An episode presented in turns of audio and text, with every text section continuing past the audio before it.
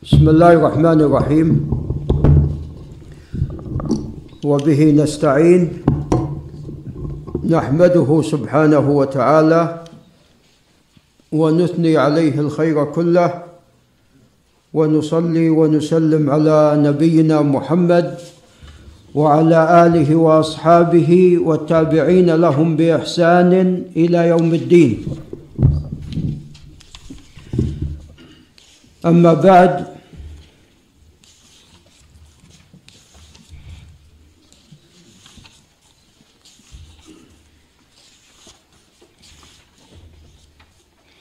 مر علينا حديث جابر فيما سبق وهو فيما يتعلق بآداب عليكم السلام بآداب قضاء الحاجة السيارة رقمها 30 90 كاملة لمن بس خل يبعدها ال- الذي له خل يبعدها. 30 90 حاء واو باء.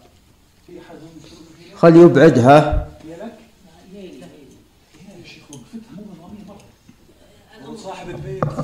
ما يخالف ما يخالف بس خل يبعدها وابد نعم في مكان.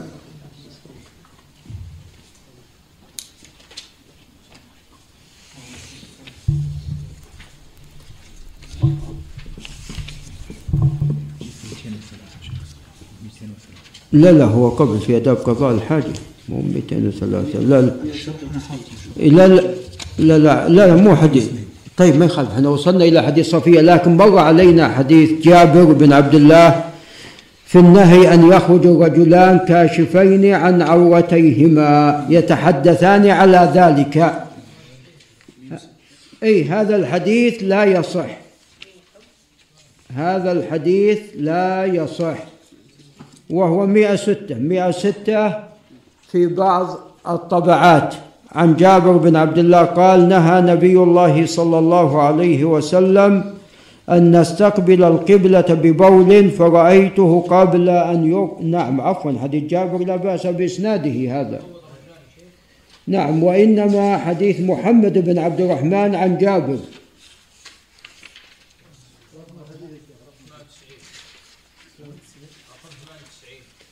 رقم 98 نعم يحيى عن يحيى بن أبي وعن يحيى بن أبي كثير عن محمد بن عبد الرحمن عن جابر بن عبد الله قال قال رسول الله صلى الله عليه وسلم إذا تغوط الرجلان فليتوارى كل واحد منهما عن صاحبه ولا يتحدثان على طوفيهما فإن الله يمقت على ذلك. قال ابن القطان وهو حديث صحيح. الصواب والله أعلم أن هذا الحديث معلول وليس بصحيح. نعم.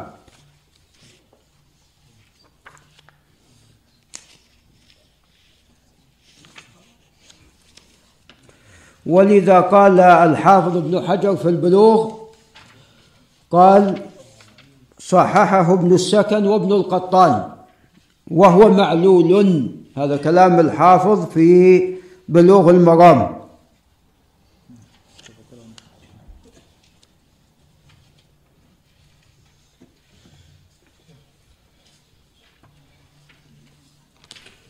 طبعا قلت حديث جابر خطأ. قلت حديث جابر خطأ. فقد رواه جمع من أصحاب يحيى بن أبي كثير. فجعلوه من حديث أبي سعيد ومنهم الأوزاعي وإنما رواه مسكين عنه أي عن الأوزاعي فجعله من حديث جابر ومس ومسكين صدوق ولكنه ليس من المتقنين. قال الإمام أحمد لا بأس به ولكن في حديثه ولكن في حديثه خطأ. نعم. فالصواب أنه من حديث يحيى بن أبي كثير. نعم وحديث يحيى بن أبي كثير فيه عياض بن هلال أو هلال بن عياض وهو لا يعرف. فالصواب إذن أن يحيى بن أبي كثير إنما رواه عن عياض بن هلال أو هلال بن عياض عن أبي سعيد. وعياض بن هلال أو هلال بن عياض اختلف في اسمه لا فيه جهالة ولا يحتج به. فإذا هذا الخبر لا يصح كما أنه قد مر علينا خبر آخر في الاستحاضة وهو أيضا لا يصح.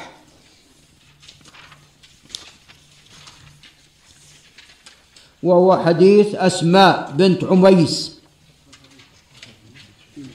نعم نأتي إلى رقم الحديث في الاستحاضة.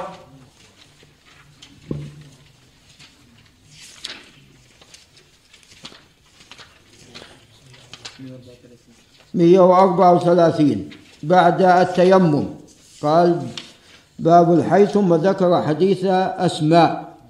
قال المصنف وقد عله بعضهم. نعم هذا الخبر أيضا لا يصح. هذا الخبر قد رواه سهيل بن أبي صالح. فجعله عن الزهري عن عروة عن أسماء بنت عميس. والصواب رواية الجماعة أنه عن الزهري عن عروة عن عائشة وليس عن أسماء بنت عميس. قال البيهقي هكذا رواه سهيل واختلف عليه. والمشهور رواية الجمهور عن الزهري عن عروة عن عائشة في شأن أم حبيبة بنت جحش. قلت وظاهر كلام أبي داود أنه يعل رواية سهيل. ينظر كتابه السنن. ينظر كتابه السنن. نعم.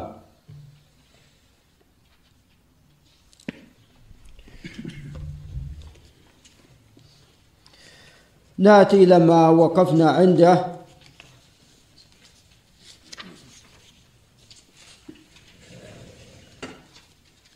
قالوا عن صفية بنت الحارث عن عائشة رضي الله عنها عن النبي صلى الله عليه وسلم لا يقبل الله صلاة حائض إلا بخمار هذا الخبر لا يصح. قد رواه قتادة عن محمد بن سيرين عن صفية عن عائشة من رواية حماد بن سلمة عن قتادة. ولكنه قد خالفه شعبة بن الحجاج فجعله من كلام محمد بن سيرين. خالفه شعبة بن الحجاج فجعله من كلام محمد بن سيرين. ورواه سعيد بن أبي عروبة عن قتادة عن الحسن البصري مرسلا فاختلف على قتادة على ثلاثة أوجه. والوجه الراجح والله أعلم هو ما رواه أيوب بن أبي تميمة وهشام بن حسان كلاهما قد روياه عن محمد بن سيرين عن عائشة. ومحمد بن سيرين لم يسمع من عائشة فهو خبر لا يصح فهو أيضا خبر لا يصح. نعم هذا ما يتعلق بصحته وأما من حيث المعنى فلا شك أن المرأة إذا بلغت والمقصود هنا لا يقبل الله صلاة حائض إلا بخمار المقصود أنها المرأة البالغة هذا هو المقصود. وإلا تعلمون أن الحائض لا يشرع لها ماذا؟ الصلاة. فمعناه دلت عليه النصوص فالمرأة يجب عليها أن تتخمر في الصلاة وذلك بأن تغطي جميع جسمها ما عدا وجهها. نعم. وبالنسبة لليدين لا يجب عليهما أن تغطي يديها في الصلاة. إن غطتهما فحسن وإن لم تغطي اليدين فلا بأس. وأما بالنسبة للقدمين فلا يجوز لها أن تصلي وهي كاشفة عن قدميها.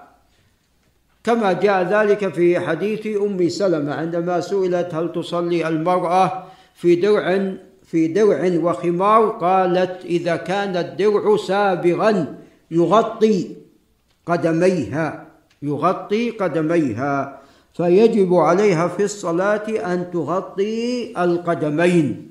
وأما بالنسبة لليدين فلا يجب إن غطتهما فحسن. وأما الوجه نعم لا تغطيه طبعا إلا إذا كان هناك رجال أجانب.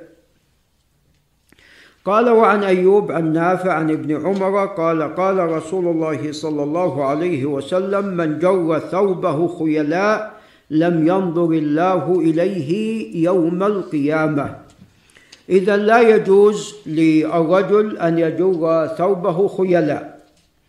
كما أنه أيضا لا يجوز له أن يلبس ثوبا يغطي الكعبين أو يغطي شيء من الكعبين. نعم. بل الواجب عليه أن يكون فوق الكعبين. نعم. وإن حصل مع ذلك خيلا فيكون الأمر ماذا؟ أشد. يكون الأمر أشد. ولذا قال عليه الصلاة والسلام ولا حظ للكعبين في الإزار. لا حظ للكعبين في الإزار. نعم.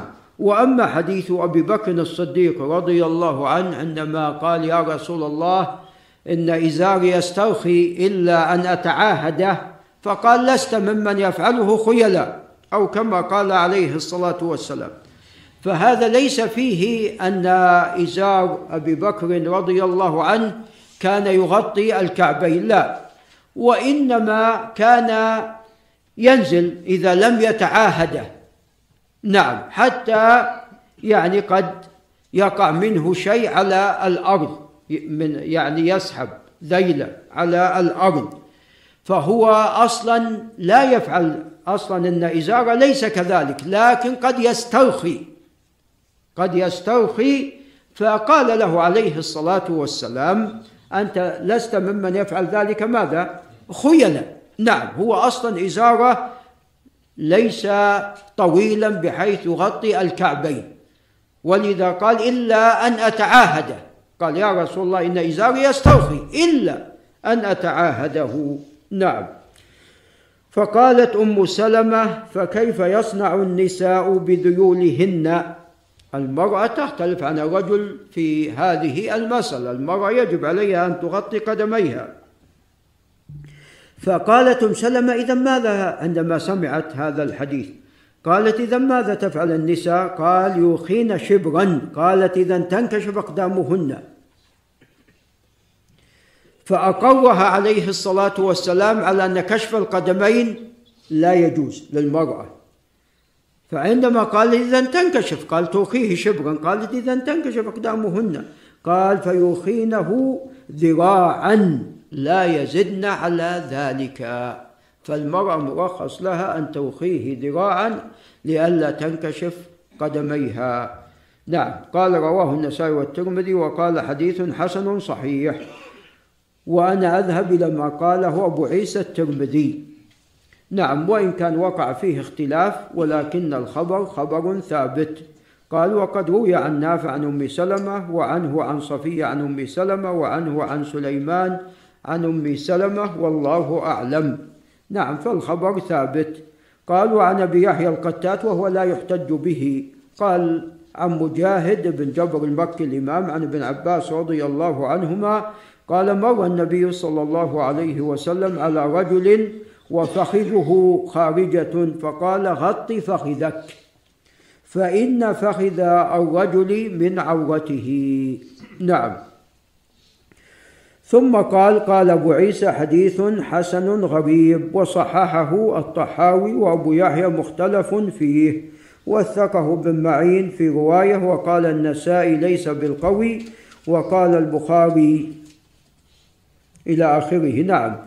أبو يحيى لعل الأقرب والله أعلم أنه لا يحتج به. نعم. ولكن هذا الحديث كما قال الإمام البخاري أنه جاء من أوجه أخرى. قال وروي عن ابن عباس وجوهد ومحمد بن جحش عن النبي صلى الله عليه وسلم الفخذ عورة.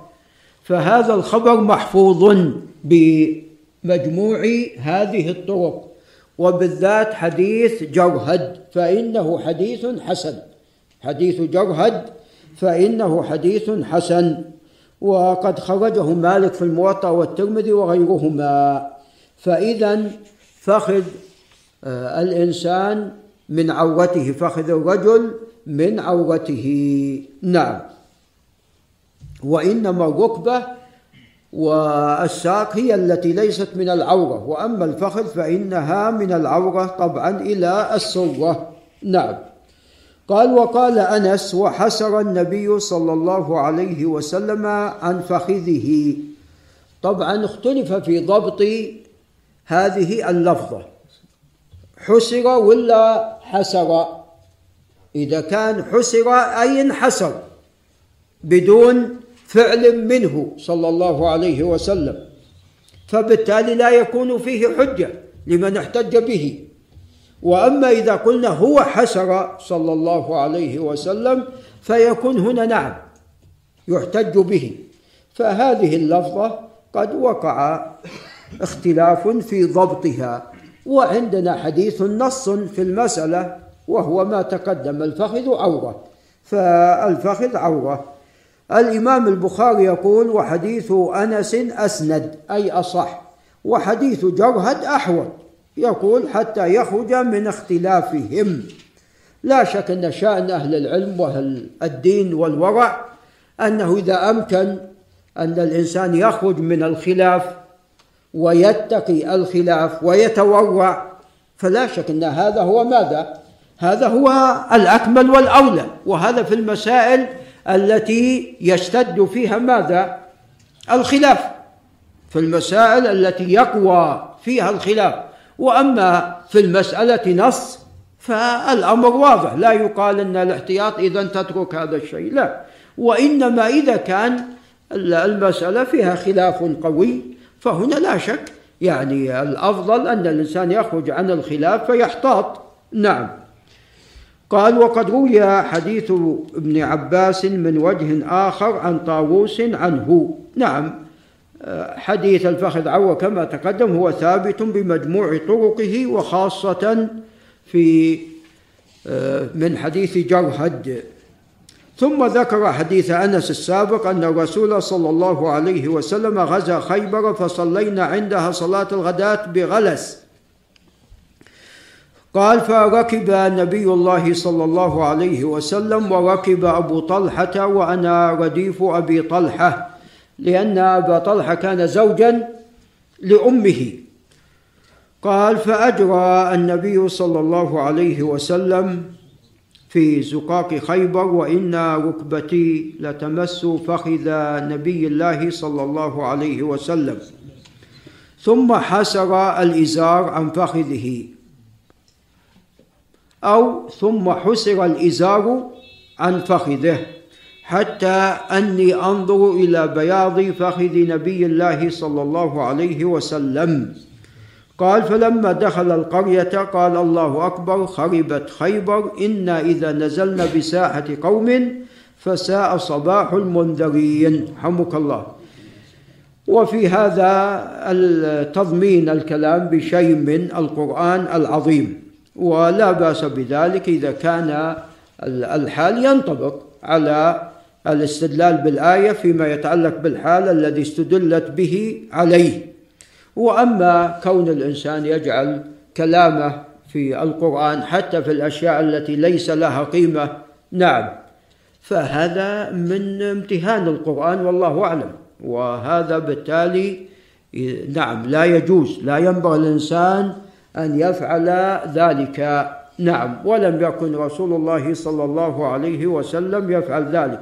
واحد تسأل عن الساعة يقول الساعة أدهى وأمر. نعم.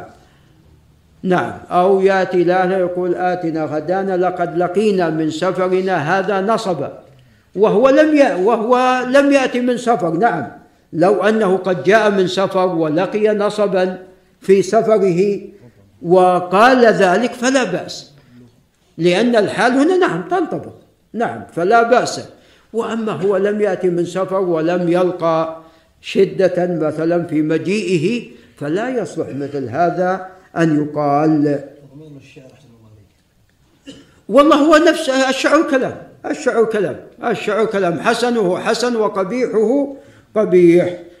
قال وفي رواية لمسلم وانحسر الإزار إذا هذه فيها حجة ولا ما فيها؟ ما فيها وانحسر انحسر الإزار. ولا شك أن الإنسان إذا كان راكب على الدابة ماذا يحصل؟ ينحسر الإزار أحيانا. نعم خاصة إذا الدابة مثلا تحركت. نعم أو هو تحرك. نعم. قال وانحسر الإزار عن فخذ نبي الله صلى الله عليه وسلم.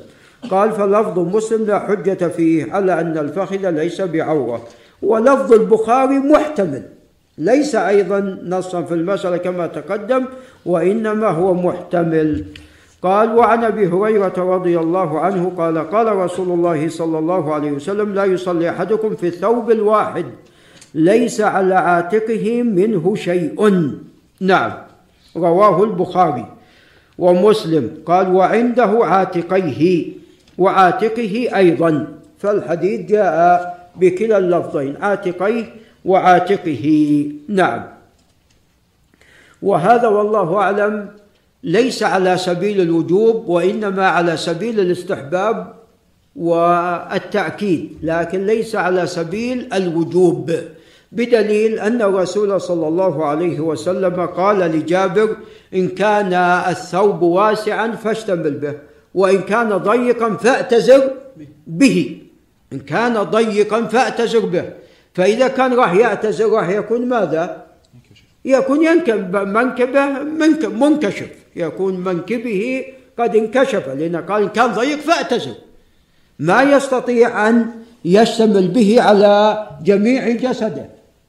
إذا ماذا يفعل في هذه الحالة؟ لا شك يعتذر به يغطي العورة. يغطي العورة. نعم. فهذا والله أعلم حديث أبي هريرة. نعم على سبيل والله أعلم يعني الأكمل والأفضل. نعم وذكر حديث جابر نعم بعده. ولذا قال فلما فرغت قال ما هذا الاشتمال الذي رأيت؟ قلت كان ثوب يعني ضاق قال فإن كان واسعا فالتحب به. وإن كان ضيقا فاعتزر به. رواه البخاري بهذا اللفظ ورواه مسلم. إذا ولفظه إذا كان واسعا فخالف بين طرفيه. وإن كان ضيقا فاشدده على حكوك نعم. ولم يقل هنا يعني جابر إن ما عندي إلا هذا الثوب لكن هنا كان لابس هذا الثوب فقال افعل به ما تقدم. قال وعن أبي مسلمة سعيد بن زيد الأزدي الطاحي قال قلت لأنس بن مالك كان رسول الله صلى الله عليه وسلم يصلي في النعلين. قال نعم متفق عليه. وقد قال عليه الصلاة والسلام صلوا في نعالكم خالفوا اليهود. أو كما قال عليه الصلاة والسلام فالصلاة بالنعلين يستحب الإنسان يصلي بنعليه وإذا كان قاصدا أن يخالف اليهود بذلك لأن اليهود لا يصلون في نعالهم. نعم وهذا إذا كانت الأرض حمك الله هذا إذا كانت الأرض مكشوفة. وأما إذا كان هناك زل وسجاد فيعني هنا تخلع نعليك إلا إذا كانتا نظيفتين.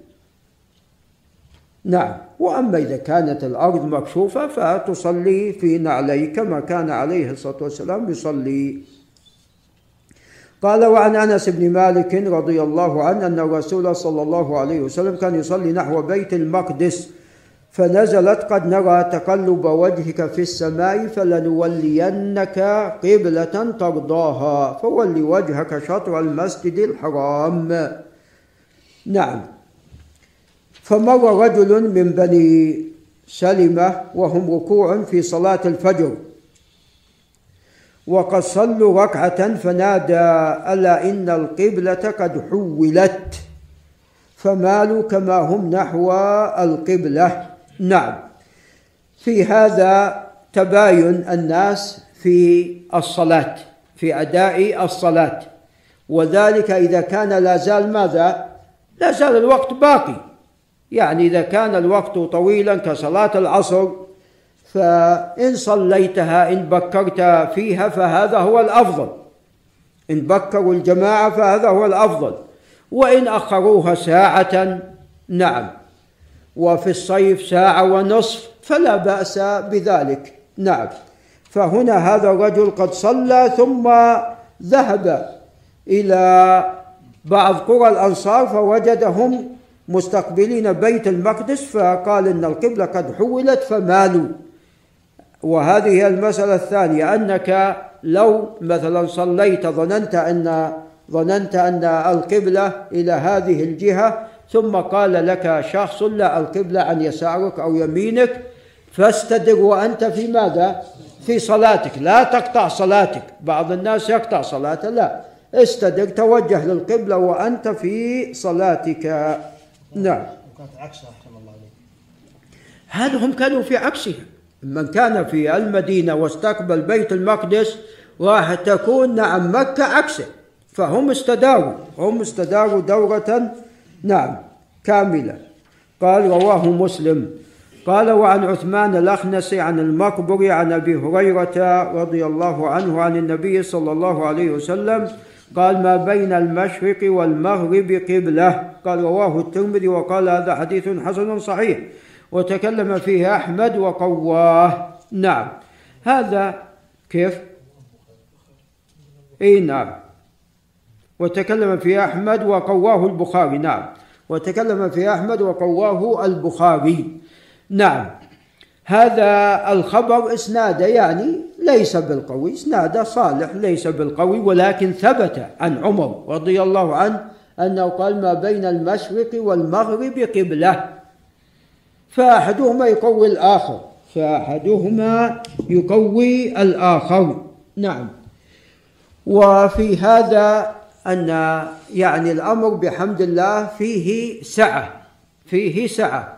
وليس معنى هذا أنت تعرف أن القبلة إلى هذه الجهة. ومع ذلك مثلا تنحرف يمين أو يسار. لا. وإنما المقصود يعني إذا كان واحد يقول هنا واحد والثاني يقول هنا إذا كنتم في برية فهنا يأتي ماذا؟ يأتي هذا الحديث. فيقال ما بين المشرق والمغرب ماذا؟ قبلة.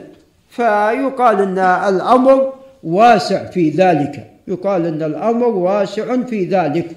وأما إذا كنت تعرف القبلة لهالجهة فصل إلى هذه الجهة.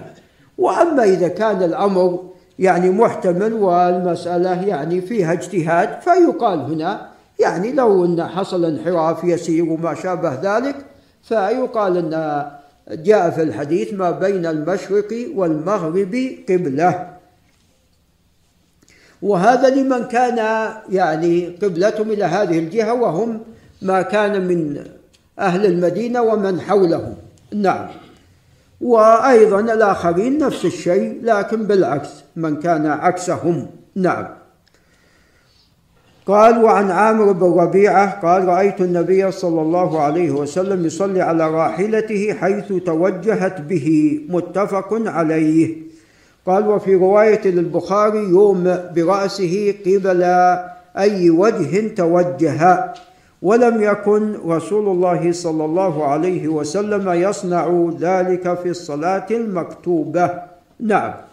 طبعا استقبال القبلة في الصلاة كما تعلمون شرط في صحة الصلاة. ولكن هذا الشرط قد آه، يتخلف أو قد يسقط بالأحرى في حالات. نعم. الحالة الأولى إذا كنت مسافرا وأردت أن تتطوع فهنا لا يلزمك أن تتجه إلى القبلة وإنما تصلي حيثما توجهت بك راحلتك أو سيارتك أو إذا كنت في الطائرة. ولا تستطيع أنك تستقبل القبلة تصلي وأنت جالس على الكرسي فحيثما توجهت الطائرة. نعم إن تيسر لك في افتتاح الصلاة أن تتوجه إلى القبلة ثم حيثما توجهت الدابة فهذا أكمل. لأنه جاء في سنن أبي داود أن الرسول صلى الله عليه وسلم في حال السفر إذا أراد أن يتطوع استقبل القبلة ثم بعد ذلك ماذا؟ حيثما توجهت به الدابة. نعم إن أمكن هذا فبها وإلا من حين تبدأ الصلاة إلى نهايتها حيثما توجهت بك راحلتك. هل هذا يكون أيضا في المدينة في حال التطوع؟ بعض أهل العلم قال نعم يكون في المدينة أيضا في حال التطوع. وأما جمهور أهل العلم فقالوا هذا في السفر وهذا هو الصحيح. هذا هو الصحيح لأن هذا لم يأتي إلا في حال السفر. ولم يأتي في حال آه، الحضر. لم يأتي في حال الحضر وإنما في السفر.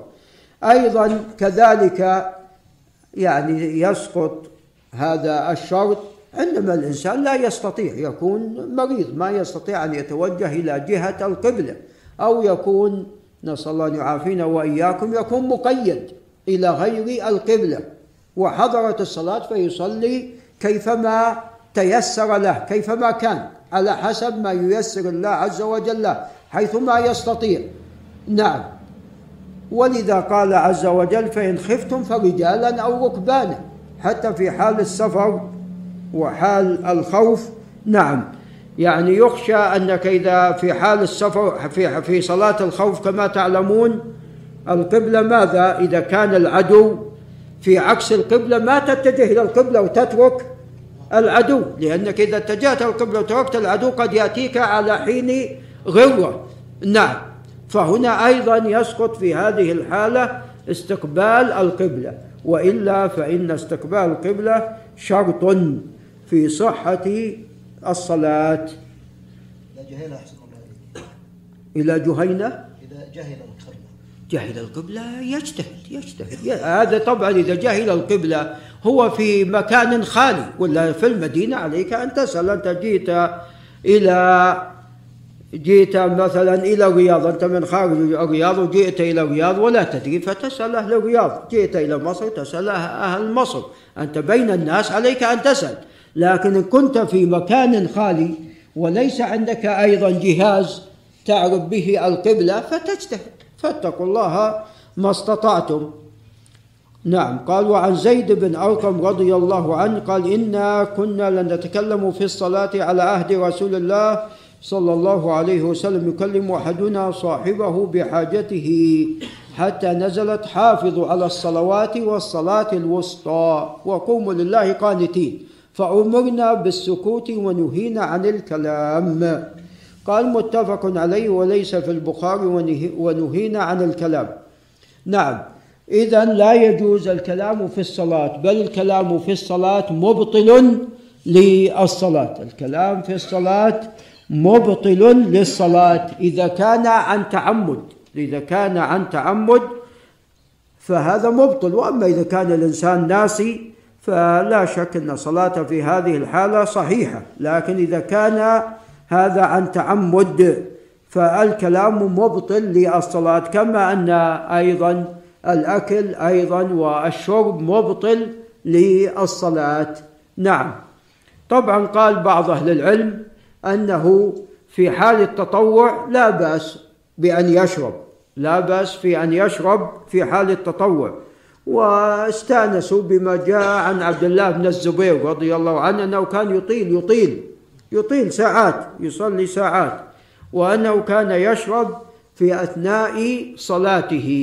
نعم. وأما في الفريضة نعم.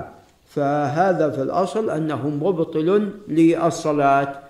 إلا أن يكون يعني إنسان آه، باقي شيء في أسنانه نعم. أو استاك وباقي شيء من السواك وبلع في أثناء الصلاة فهذا يعني الشيء اليسير وهو يعني في أسنانه فهذا ليس داخلا فيما نحن بصدده.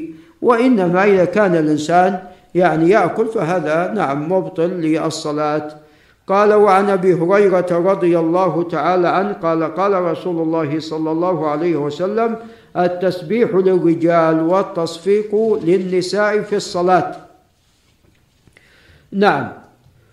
قال ابن شهاب وقد رأيت رجالا من أهل العلم يسبحون ويشيرون متفق عليه ولم يقل البخاري في الصلاة ولا ذكر قول ابن شهاب. نعم. الكلام يستثنى منه التسبيح. نعم الكلام يستثنى منه التسبيح أو قراءة القرآن. يعني قراءة القرآن لا شك هذا يعني الصلاة لا تكون إلا بقراءة. لكن أعني إذا كان الإنسان يقرأ القرآن ويقصد ماذا؟ يقصد نعم ينبه من كان يعني بجانبه. على على مسألة أو على أمر. نعم. فهذا لا بأس به. هو يقرأ القرآن مثل ما قيل يعني أن شخصا كان يرد على شخص في الصلاة يرد عليه خطأ يرد عليه خطأ فقرأ أحد المصلين الذين خلفه كلا لا تطعه واسجد واقترب اتركه. نعم. ودعه. نعم. لأن هذا استمر في يعني نعم في فشوش على الإمام وشوش على من كان خلفه. نعم فالتسبيح في حال آه، خطأ الإمام يقول الرجال سبحان الله. وأما النساء فيصفقن في صلاتهن. نعم. قال ابن شهاب وقد رأيت رجالا من أهل العلم يسبحون ويشيرون. نعم. هنا ناتي إلى الحركة في الصلاة. فالحركة تنقسم إلى الأقسام الخمسة إلى إلى الأحكام الخمسة. يعني الحركة أحيانا تكون واجبة في الصلاة. انت كبرت وثم تذكرت أن مثلا آه، الغترة مثلا فيها نجاسة فتخلعها. تتحرك يعني تخلعها وأنت في صلاتك. يجب عليك هنا في مثل هذه الحالة. نعم. وإما أن تكون مستحبة الحركة في الصلاة. نعم يعني هناك فرجة يسيرة فتحرك لسد هذه الفرجة اليسيرة. وإما أن تكون مباحة يعني شيء يسير احتجت إليه شيء يسير ممكن أن تصبر عنه ولكن شيء يسير ليس كبير حركة فهذا مباح. يعني بس إشمارك يخشى أن يقع فأنت وضعت على على رأسك. أنت تصلي وخشيت أن الشماغ يعني يقع من رأسك فأنت وضعت على رأسك فهذا أنت احتجت إليه هذا شيء مباح. ولو تركت حتى يسقط وكملت صلاتك هذا شيء حسن. لكن لو احتجت أنك تصلح هذا لأن يسقط ليس الواحد يعني يقعد يصلح هندامة في أثناء الصلاة لا. ويتزين في أثناء الصلاة لا كما يفعل بعض الناس لا. وإنما المقصود يعني شماغه بيسقط فأنت وضعت على رأسك فهذا شيء مباح. وإما أن تكون مكروهة الحركة وهي يعني الحركة اليسيرة التي ليس لها ماذا؟ ليس لها حاجة. وإما أن تكون محرمة وهي الحركة الكثيرة. والحركة الكثيرة جدا قد تبطل الصلاة. قد تبطل الصلاة أن الإنسان يمشي يمشي مسافة طويلة ويقول أنا أصلي بدون حاجة بدون حاجة. نعم. أنت مثلا أكملت الصف الذي أمامك ثم وجدت في الذي أمامك ماذا؟ فرجة فنعم تقدم للصف الذي بعد الذي أمامك ثم وجدت في الصف الذي بعد الذي أمامك فرجة فتقدم أيضا وأغلق هذه الفرجة نعم. وأما أن الإنسان يتحرك حركة كثيرة بلا حاجة ولا سبب فهذا قد يعني هذا محرم وقد يؤدي إلى بطلان الصلاة. نعم. قال يسبحون ويشيرون يعني يستثنى من الحركة أنك إذا احتجت إلى ماذا؟ إلى الإشارة. وفي حديث سهل بن الحنظليه وسوف يأتينا أن الرسول عليه الصلاة والسلام كان يصلي ويلتفت إلى جهة الشعب. وذلك أنه أرسل نعم أرسل شخصا يحرسهم إلى أعلى الوادي.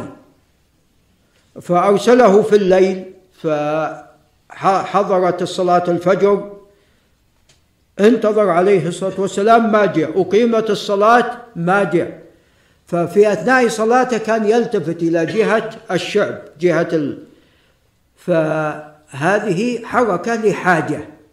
فالإشارة أيضا إذا تحركت حركة يسيرة أو أشرت لحاجة فهذا لا بأس. نعم واحد سألك وين فلان؟ وأنت تصلي؟ رأيت فلان؟ تقول له مثلا أن ما رأيته أو تشير إليه تقول يعني يبحث عن مفتاح السيارة ما يدري. وهو فتقول انه مثلا تشير إلى كذا أو تذكرت انه بجيبك تطلع من جيبك وتعطيه ماذا؟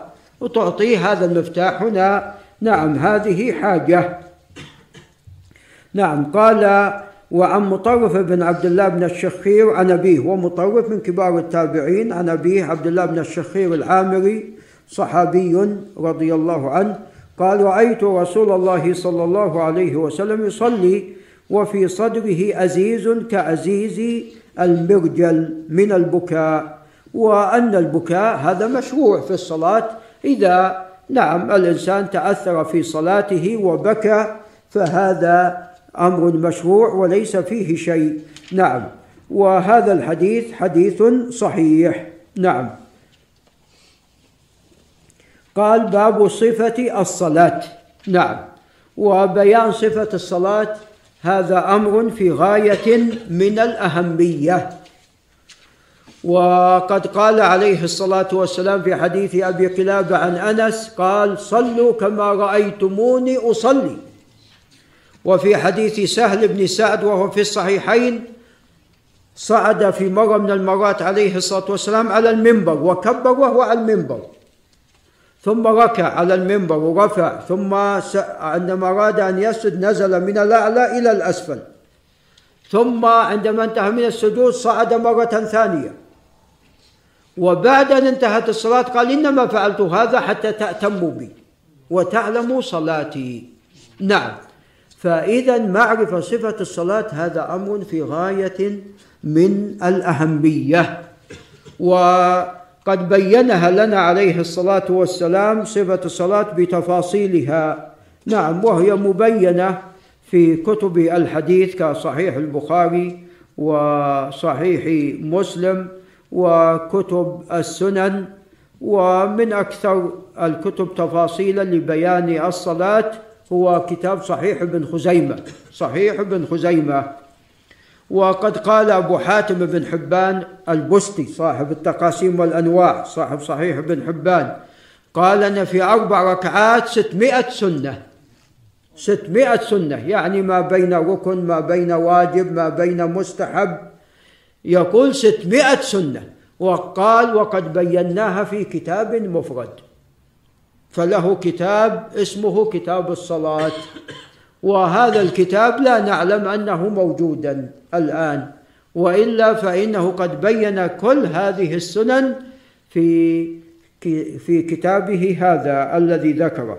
إذا صفة الصلاة هذا أمر مهم جدا ومع الأسف الآن أن تجد كثير من الأئمة لا يحسن الصلاة وهو إمام وهو إمام. نعم. و يعني بالعجلة العجلة الشديدة في الصلاة. وحتى تجد أحيانا حتى في المساجد الكبيرة التي يقصدها الفئام من الناس. يعني تجد مثلا أحيانا في خطبة الجمعة قد يطيل الخطيب في الخطبة بعض الشيء.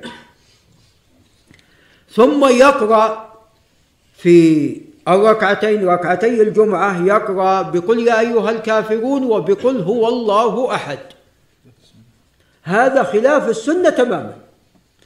يقول عليه الصلاة والسلام إن طول صلاة الرجل وقصر خطبته مئنة من فقه فأطيلوا الصلاة واقصروا الخطبة. متى كان يقرأ عليه الصلاة والسلام بسورتي الإخلاص؟ في راتبة الفجر وراتبة الفجر خفيفة. المقصود بها التخفيف. المقصود بها التخفيف. وأما في المغرب فلم يثبت أنه قرأ عليه الصلاة والسلام بسورتي الإخلاص. فبالنسبة لراتبة الفجر المقصود بها التخفيف. فهذا عكس عكس أمر عليه الصلاة والسلام بإطالة الصلاة أطال الخطبة. وجعل الصلاة خفيفة. وجعل الصلاة خفيفة. نعم. وكثير مع الأسف يعني ممن يفعل هذا. ولذا روى ابن أبي شيبة في كتابه المصنف من طريق محمد بن عمرو عن أبي سلمة عن أبي هريرة. قال إن الرجل ليصلي ستين سنة ولا تصح له صلاة. إما يقيم الركوع ولا يقيم السجود وإما يقيم الركوع السجود ولا يقيم الركوع. نعم. فمع الأسف أن كثير من الناس يعني على هذه الصفة وهي العجلة العجلة الشديدة في الصلاة. فإذا قلت أحيانا للإمام أنك استعجلت في الركوع أو في السجود قال يكفي تسبيحة واحدة. هذا مو بصحيح الكلام. من يقول أن تكفي تسبيحة واحدة؟ هذا أنت الآن إمام يصلي خلفك ناس. نعم أنت لوحدك تسبح تسبيحة واحدة وأنت مطمئن؟ نعم. وأما إذا كان خلفك ناس فلا تكفي تسبيحة واحدة. ولذا قال عبد الله بن مبارك سبح خمس حتى يسبح من خلفك ثلاث. نعم فإذا كان الإمام يسبح تسبيحة واحدة إذا بالتالي اللي خلفه ما راح يسبحون. نعم.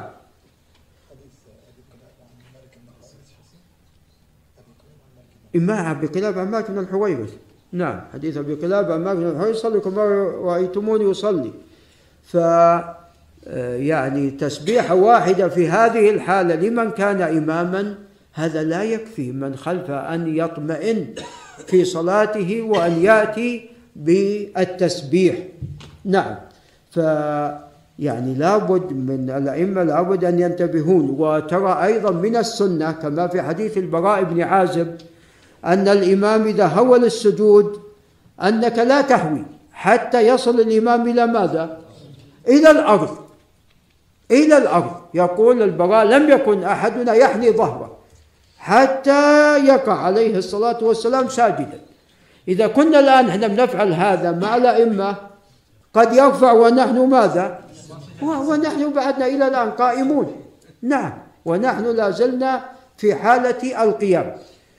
وهكذا في باقي الصلاة. يعني أنت الآن في القيام الأول الإمام من السنة أن يكبر إذا شرع في الركوع. إذا بدأ يشرع في الركوع السنة أن يكبر. أنت لا تتحرك. يعني إذا أردنا نطبق السنة حتى الإمام ماذا؟ يركع حتى الإمام يركع فهنا أنت تتحرك بعده الإسلام كله تنظيم. نعم.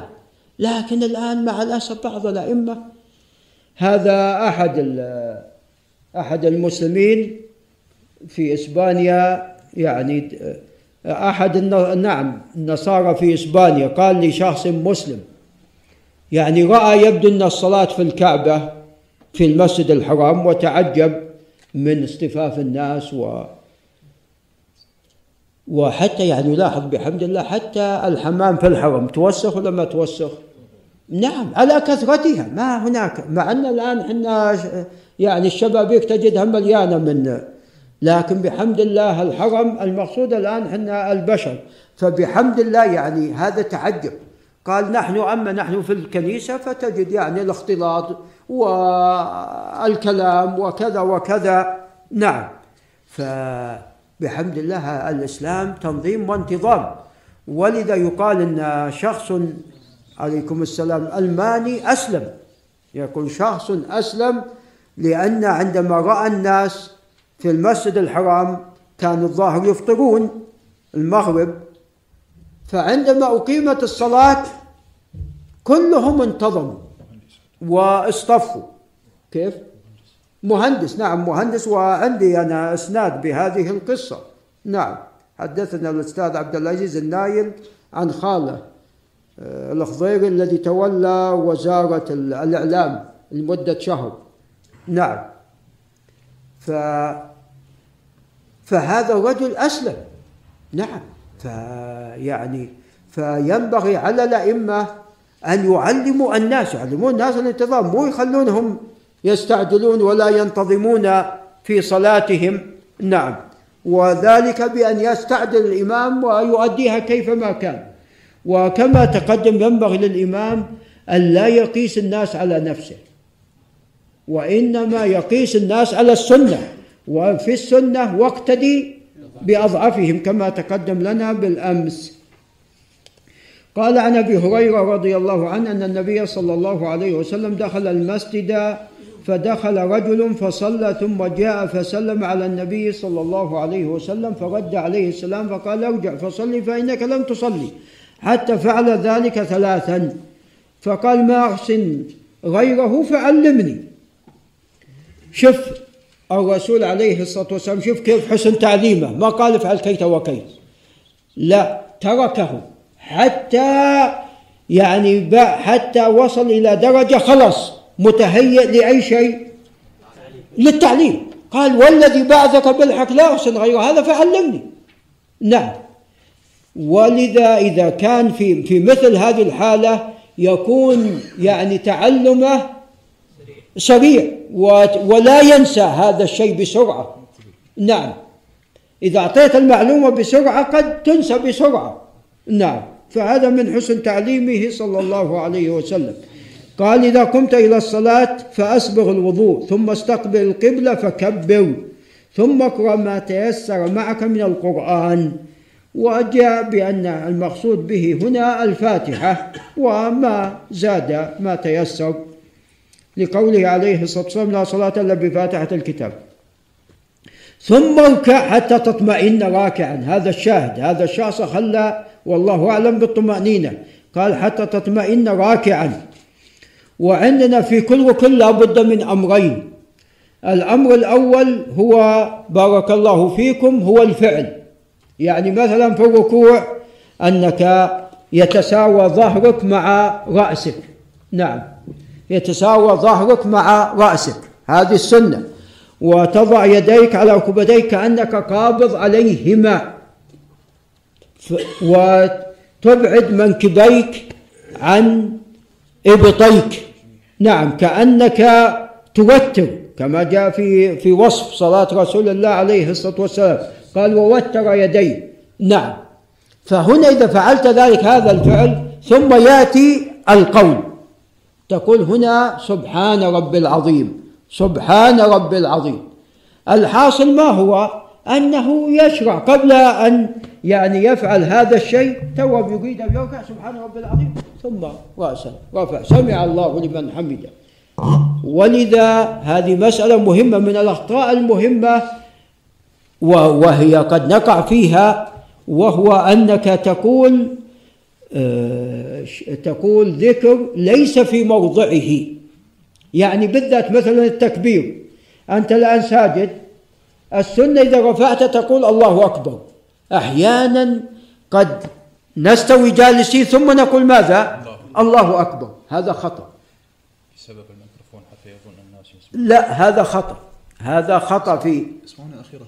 هذا خطأ في هذه الحالة. أنت أنت الآن قلت التكبير في غير موضعه فجعلت هذا الذكر لمثلا الجلسة بين السجدتين أو للتشهد. وليس من ليس التكبير من الذكر الذي يقال بين السجدتين. فهذا علينا أن ننتبه. هذا من الأخطاء الكبيرة التي نقع فيها. فعلينا أن ننتبه لهذا. نعم.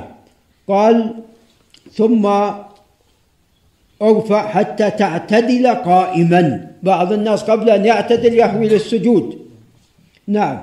وفي رواية عند ابن ماجه حتى تطمئن قائما. قال ثم اسجد حتى تطمئن ساجدا. وأيضا لابد من أمرين. أيضا في هذا الركن الفعل وثم بعد ذلك يأتي القول. سبحان ربي الأعلى. الفعل أن الاعظم السبعه تكون كلها على الأرض؟ نعم. وأنك تضع كفيك حذو منكبي حذو. عفوا حذو أذنيك أو حذو منكبيك وتجخي يعني شوي يتقوس ظهرك. نعم. وإذا لم يكن عن يمينك يسارك أحد تجنح. ثم تقول هنا سبحان رب الأعلى. فلا بد من أمرين. في كل ركن من أركان الصلاة الأمر الأول الفعل والأمر الثاني هو القول. نعم. قال ثم اسجد حتى تطمئن ساجدا ثم ارفع حتى تطمئن جالسا ثم اسجد حتى تطمئن ساجدا ثم ارفع حتى تطمئن جالسا ثم افعل ذلك في صلاتك كلها. نعم. هذا لفظ البخاري. نعم. وينبغي علينا أن ننتبه إلى مسألة الجلسة بين السجدتين كثير من الناس يخففها جدا كما أنه يخفف الرفع من ماذا؟ من الركوع. والسنة خلاف ذلك. السنة خلاف ذلك. في حديث أنس حتى يقول قائل قد نسي.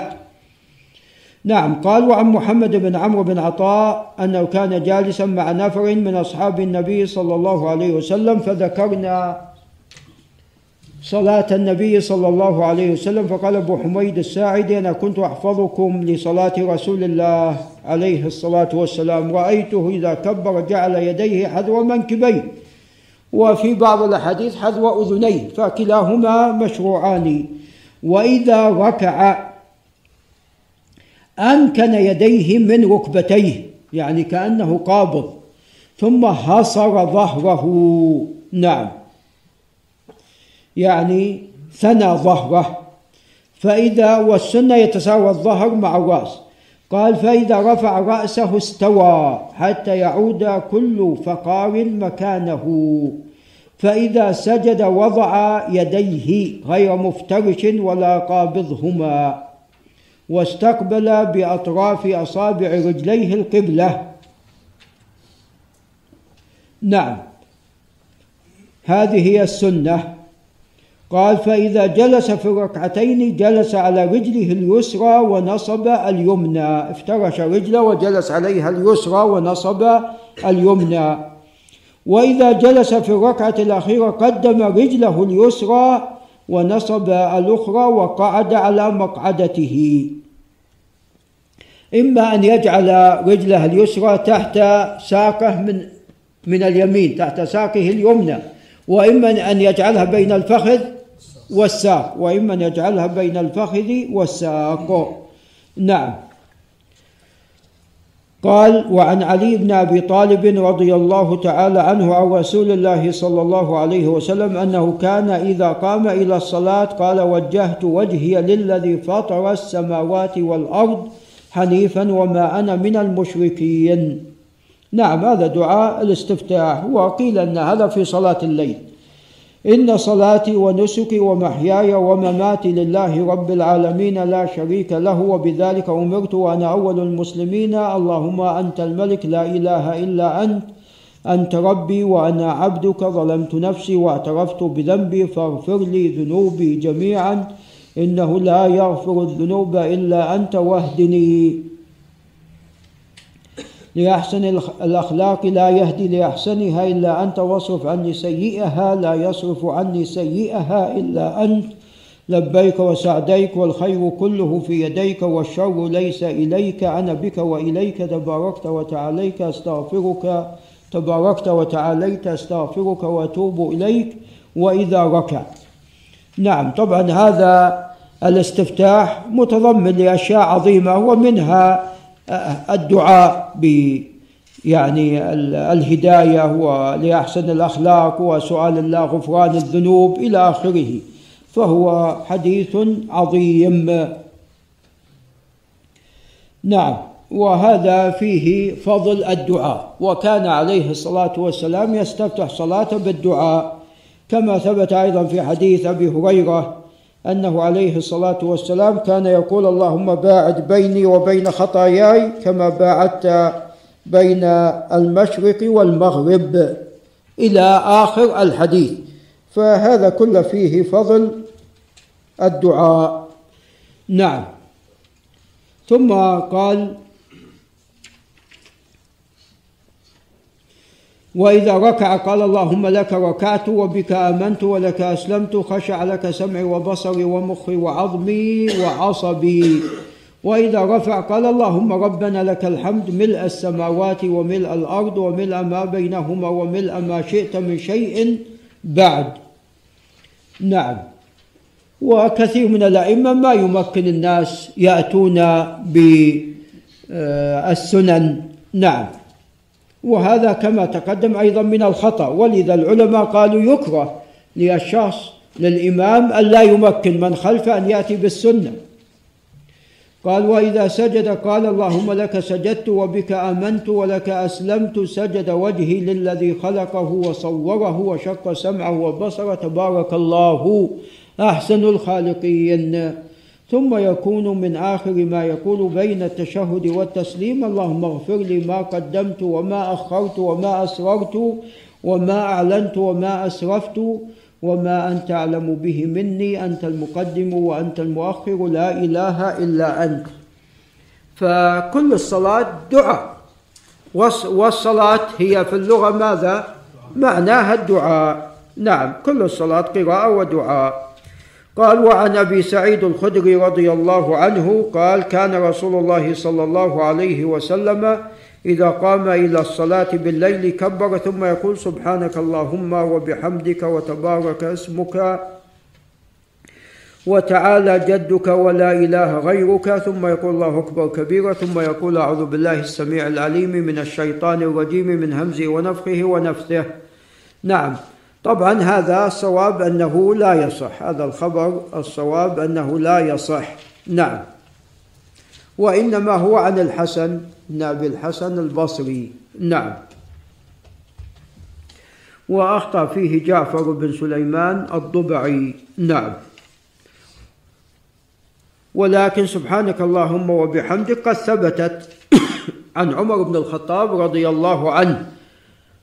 وأنه كان أحيانا فيما يظهر يجهر بذلك يريد ماذا؟ أن يعلم الناس. ولذا في حديث عبده بن أبي لبابة أن عمر بن الخطاب كان يجهر بهذه أو بهؤلاء الكلمات. سبحانك اللهم وبحمدك تبارك اسمك وتعالى جدك ولا إله غيرك. ذكره مسلم في صحيحه. لأنه سمعه مع غيره وليس هو على شرطه لأن عبد لم يسمع من عمر. نعم. ولكن رواه الدار قطني بإسناد صحيح عن الأسود عن عمر أنه كان يقول هؤلاء الكلمات. ولذا عندما سئل الإمام أحمد قال نذهب فيه إلى حديث عمر. نعم. فهذا ثابت ثابت موقوفا على عمر رضي الله عنه وكون يجهر يريد أن يعلم الناس هذا لولا أنه عن رسول الله صلى الله عليه وسلم وإلا لما لما نعم جهر وعلم الناس بذلك. إي نعم له حكم الرفع قال وعن عائشة قالت كان رسول الله صلى الله عليه وسلم يستفتح الصلاة بالتكبير والقراءة. بالحمد لله بالحمد نعم يستفتح القراءة الحمد لله رب العالمين. وكان إذا ركع لم يشخص رأسه ولم يصوبه وإنما تساوى ظهره مع رأسه. طبعا هنا عائشة ما ذكرت دعاء الاستفتاح ودعاء الاستفتاح ثابت. نعم. ولكن بين ذلك وكان إذا رفع رأسه من الركوع لم يسجد حتى يستوي قائما. نعم بعض الناس قبل أن يستوي قائم يهوي للسجود وهذا لا تصح له صلاة. اللهم إلا إذا كان إنسان لا يقدر كبير في السن أو مريض في ظهره نعم فلا بد أن يطمئن. نعم حتى لو لم ينتصب قائم. قال وإذا وكان إذا رفع رأسه من السجدة قالت لم يسجد حتى يستوي جالسا. وكان يقول في كل ركعتين التحية. وكان يفرش رجله اليسرى وينصب رجله اليمنى وكان ينهى عن عقبة الشيطان وينهى عن أن يفترش الرجل ذراعيه افتراش السبع وكان يختم الصلاة بالتسليم. نعم هذا الحديث قد خرجه مسلم وإن كان فيه انقطاع ما بين أبي الجوزة وعائشة ولكن هو قد أرسل مولاه و فسمع من مولاه سمعه من مولاه الذي أرسله. وكثير من ألفاظ هذا الحديث قد جاءت في أحاديث أخرى. نعم. وعلى الإنسان أن لا يفترش ذراعيه في السجود كافتراش السبع وفي رواية كافتراش الكلب. فهذا منهي عنه. نعم. قالت وفي كل ركعتين التحية. نعم. إلا في صلاة الوتر إذا صلى خمسا فإنه لا يجلس إلا في ماذا؟ إلا في الخامسة. وإذا صلى ثلاثا جلس في الثالثة. بخلاف ما لو إذا صلى سبعا أو تسعا فإنه يجلس في السبع في السادسة ثم يقوم. وفي التسع في الثامنة ثم يقوم للتاسعة. نعم. وفي حديث أبي هريرة أنه عليه أنه قال عليه الصلاة والسلام إنما جعل الإمام ليؤتم به فإذا كبر فكبروا وإذا ركع فاركعوا وإذا قال سمع الله لمن حمد فقولوا اللهم ربنا لك الحمد وإذا صلى قائما فصلوا قياما وإذا صلى قاعدا فصلوا قعودا أجمعون. هنا يسقط القيام في هذه الحالة تبعا للإمام. فصلاة المأمومين مرتبطة بصلاة الإمام. لكن ليس ارتباطا كليا ولكنها مرتبطة. نعم مرتبطة بحيث أنك إذا كنت مسافر وصليت خلف المقيم يجب عليك تتم ولا ما يجب؟ يجب. ولو لم تتم بطلت ماذا؟ بطلت صلاتك. نعم. ومن جانب آخر نعم ليست مرتبطة ارتباطا كليا لو صلى الإمام ثم تبين أنه أحدث فهو الذي يعيد دون ماذا؟ دون المأمومين. نعم. قالوا عن عبد الله بن عمر رضي الله عنهما أن الرسول صلى الله عليه وسلم كان يرفع يديه حذو منكبيه. إذا افتتح الصلاة وإذا كبر الركوع وإذا رفع رأسه من الركوع نعم. وكان نعم. وقال نعم. سمع الله لمن حمد ربنا ولك الحمد. أو ربنا لك الحمد بدون واو. أو اللهم ربنا ولك الحمد. أو اللهم ربنا لك الحمد بدون كل الأربع في البخاري. وكان لا يفعل ذلك في السجود. نعم. قال وللبخاري عن نافع أن ابن عمر كان إذا دخل في الصلاة كبر ورفع يديه وإذا ركع رفع يديه وإذا قال سمع الله لمن حمد رفع يديه وإذا قام من الركعتين رفع يديه. فأربعة مواطن ترفع فيها الأيدي وهي التي جاءت في حديث عبد الله بن عمر. قال وعن مالك بن الحويرث أن الرسول عليه الصلاة والسلام كان إذا كبر رفع يديه حتى يحاذي بهما أذنيه. فإما أن تحاذي بهما أذنيك أو إلى منكبيك. كلا الأمرين قد جاء. وإذا ركع رفع يديه حتى يحاذي بهما أذنيه وإذا رفع رأسه من الركوع فقال سمع الله لمن حمد فعل مثل ذلك. رواه مسلم. وفي رواية حتى يحاذي بهما فروع أذنيه. قال وروى أيضا مسلم عن وائل بن حجر أن رأى النبي صلى الله عليه وسلم رفع يديه حين دخل في الصلاة. كبر حيال أذنيه ثم التحف بثوبه. فترفع يديك وتقول الله أكبر. نعم. وجاء بأنه كان يرفع يديه ثم يكبر. نعم. وجاء بأنه يكبر ثم يرفع يديه. نعم. قال ثم التحف بثوبه ثم وضع يده اليمنى على اليسرى. نعم ولا حديث متواترة في وضع اليد اليمنى على اليسرى في القيام الأول. نعم وأما موضع وضع اليدين فالأحاديث في موضع آه، اليدين في الصلاة يعني فيها بعض الكلام لكن أقواها على الصدر أقواها على الصدر. هذا جاء في حديث قبيصة بن هلب الطائي في حديث قبيصة بن هلب الطائي أن من حديث ابن أبي ذئب عن قبيص عن سماك عن قبيصة بن هلب عن أبيه نعم أن وضع يديه على صدره. هذا رواية الإمام أحمد.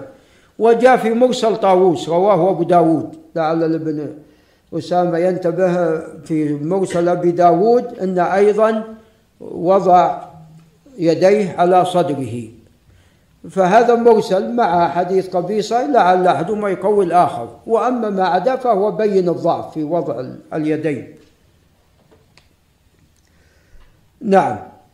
قال ثم وضع يده اليمنى على اليسرى فلما أراد أن يركع أخرج يديه من الثوب ثم رفعهما. فلا بأس أن الإنسان يغطي يديه بثوبه في أثناء الصلاة وخاصة إذا كان ماذا؟ إذا كان برد. نعم. قال ثم رفعهما ثم كبر فركع فلما قال سمع الله لمن حمد رفع يديه فلما سجد سجد بين كفيه. إما بين كفيه وإما تضعهم حذو منكبيك في حال السجود.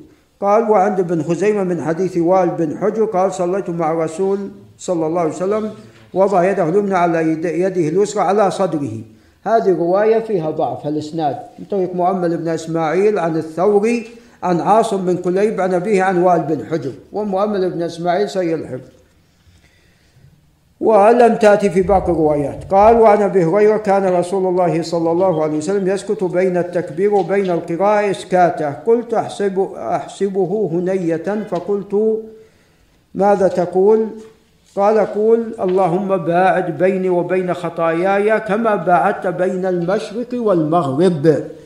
وفي هذا التوبة والاهتمام بالذنوب من جهة أن الإنسان يتوب إلى الله ويطلب من الله أن يبعد الذنوب عنه وأن يغفر الذنوب عنه وأن يمحو الذنوب عنه وأن يغفر له سيئاته. قال كما بعت بين المشرق والمغرب اللهم نقني من الخطايا كما ينقى الثوب الأبيض من الدنس. هنا إعادة وتأكيد كله على الذنوب لعل الشيخ الحارث ينتبه. اللهم اغسل خطاياي بالماء والثلج والبرد. قال متفق عليه واللفظ للبخاري قال وعن عبادة بن الصامت أن الرسول عليه الصلاة والسلام قال لا صلاة لمن لم يقرأ بأم القرآن فقراءة أم القرآن ركن في الصلاة لا تصح الصلاة إلا بها. إلا لمن كان خلف الإمام. نعم. فإذا أمكن للإنسان أن يقرأ بالفاتحة فبها ونعمت. خلف الإمام إذا أمكن أن تقرأ فبها ونعمت. لكن إذا كان يرتج عليك أو يعني بالذات مثلا الإمام في صلاة المغرب قرأ بالمعوذتين قد ما يكون لك وقت تقرأ بالفاتحة. فقراءة الإمام قراءة. والله أعلم. طبعا هذا جاء في حديث مرفوع ولا يصح. ولكن ثبت عن جابر. نعم. قال وروى ابن حبان وابن خزيمة من حديث أبي هريرة لا تجزئ صلاة لا يقرأ فيها بفاتحة الكتاب. قال وقد أعل. نعم. لكن يغني عنا حديث عبادة المتقدم. قال وعن أنس أن النبي صلى الله عليه وسلم وأبا بكر وعمر كانوا يفتتحون الصلاة بالحمد لله رب العالمين. يعني أنهم يعني بعد دعاء الاستفتاح يعني بعد دعاء الاستفتاح. واختلف بالبسملة كما سوف يأتي. قال صليت خلف النبي صلى الله عليه وسلم وأبي بكر وعمر وعثمان فكانوا يستفتحون بالحمد لله رب العالمين. لا يذكرون بسم الله الرحمن الرحيم في أول قراءة ولا في آخرها. نعم. قال وقد ضعف الخطيب وغيره رواية مسلم بلا حجة. وهذا خطأ بل الحديث صحيح. وفي لفظ لأحمد والنسائي بن خزيمة والدار قطني فكانوا لا يجهرون ببسم الله الرحمن الرحيم. وفي لفظ لابن خزيمة كان يسر ببسم الله الرحمن الرحيم. نعم.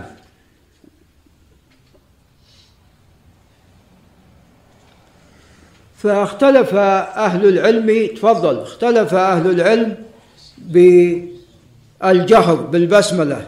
طبعا الصواب عدم الجهر. لكن هل تقرأ البسملة أو لا تقرأ؟ هذا محل خلاف. هذا محل خلاف بين أهل العلم. والقول بأنها لا تقرأ قول قوي. هذا قول قوي. أنا كنت أقول أن يسر بها. نعم. لكن يعني الأدلة قوية في عدم قراءتها. في عدم قراءتها. ولذا في حديث أبي هريرة إذا قال العبد الحمد لله رب العالمين قال حمدني عبدي الحديث. وفي حديث ابن مغفل أنهم ما كان الرسول عليه الصلاة والسلام قال سمعني أني أقرأ بسم الله الرحمن الرحيم قال ما كان يقرأ بسم الله الرحمن الرحيم. نعم. وحديث أنس كما تقدم يعني روايات الأصح ما كان لا يذكرون البسملة في أول القراءة ولا في آخرها. نعم. والأمر يعني الأمر واسع الأمر واسع. قال وعن نعيم المجمر قال صليت وراء أبي هريرة فقرأ بسم الله الرحمن الرحيم ثم قرأ بأم القرآن. حتى إذا بلغ ولا الضالين قال آمين قال الناس آمين. ويقول كلما سجد الله أكبر وإذا قام من الجلوس من الاثنتين قال الله أكبر ثم يقول إذا سلم والذي نفسي بيده إني لأشبهكم صلاة بصلاة رسول الله صلى الله عليه وسلم. قال وقد صححه الحاكم والبيهقي والخطيب وقد أعل ذكر البسملة. نعم. والدار قطني أيضا. يعني كل هؤلاء كلهم صححوه الدار قطني سئل عن البسملة في الجهر بها في الصلاة. قال أما الأحاديث المرفوعة فلا يصح شيء. وأما عن الصحابة ففي شيء يصح. أما عن الصحابة ففيه. وأما المرفوع يقول لا يصح شيء.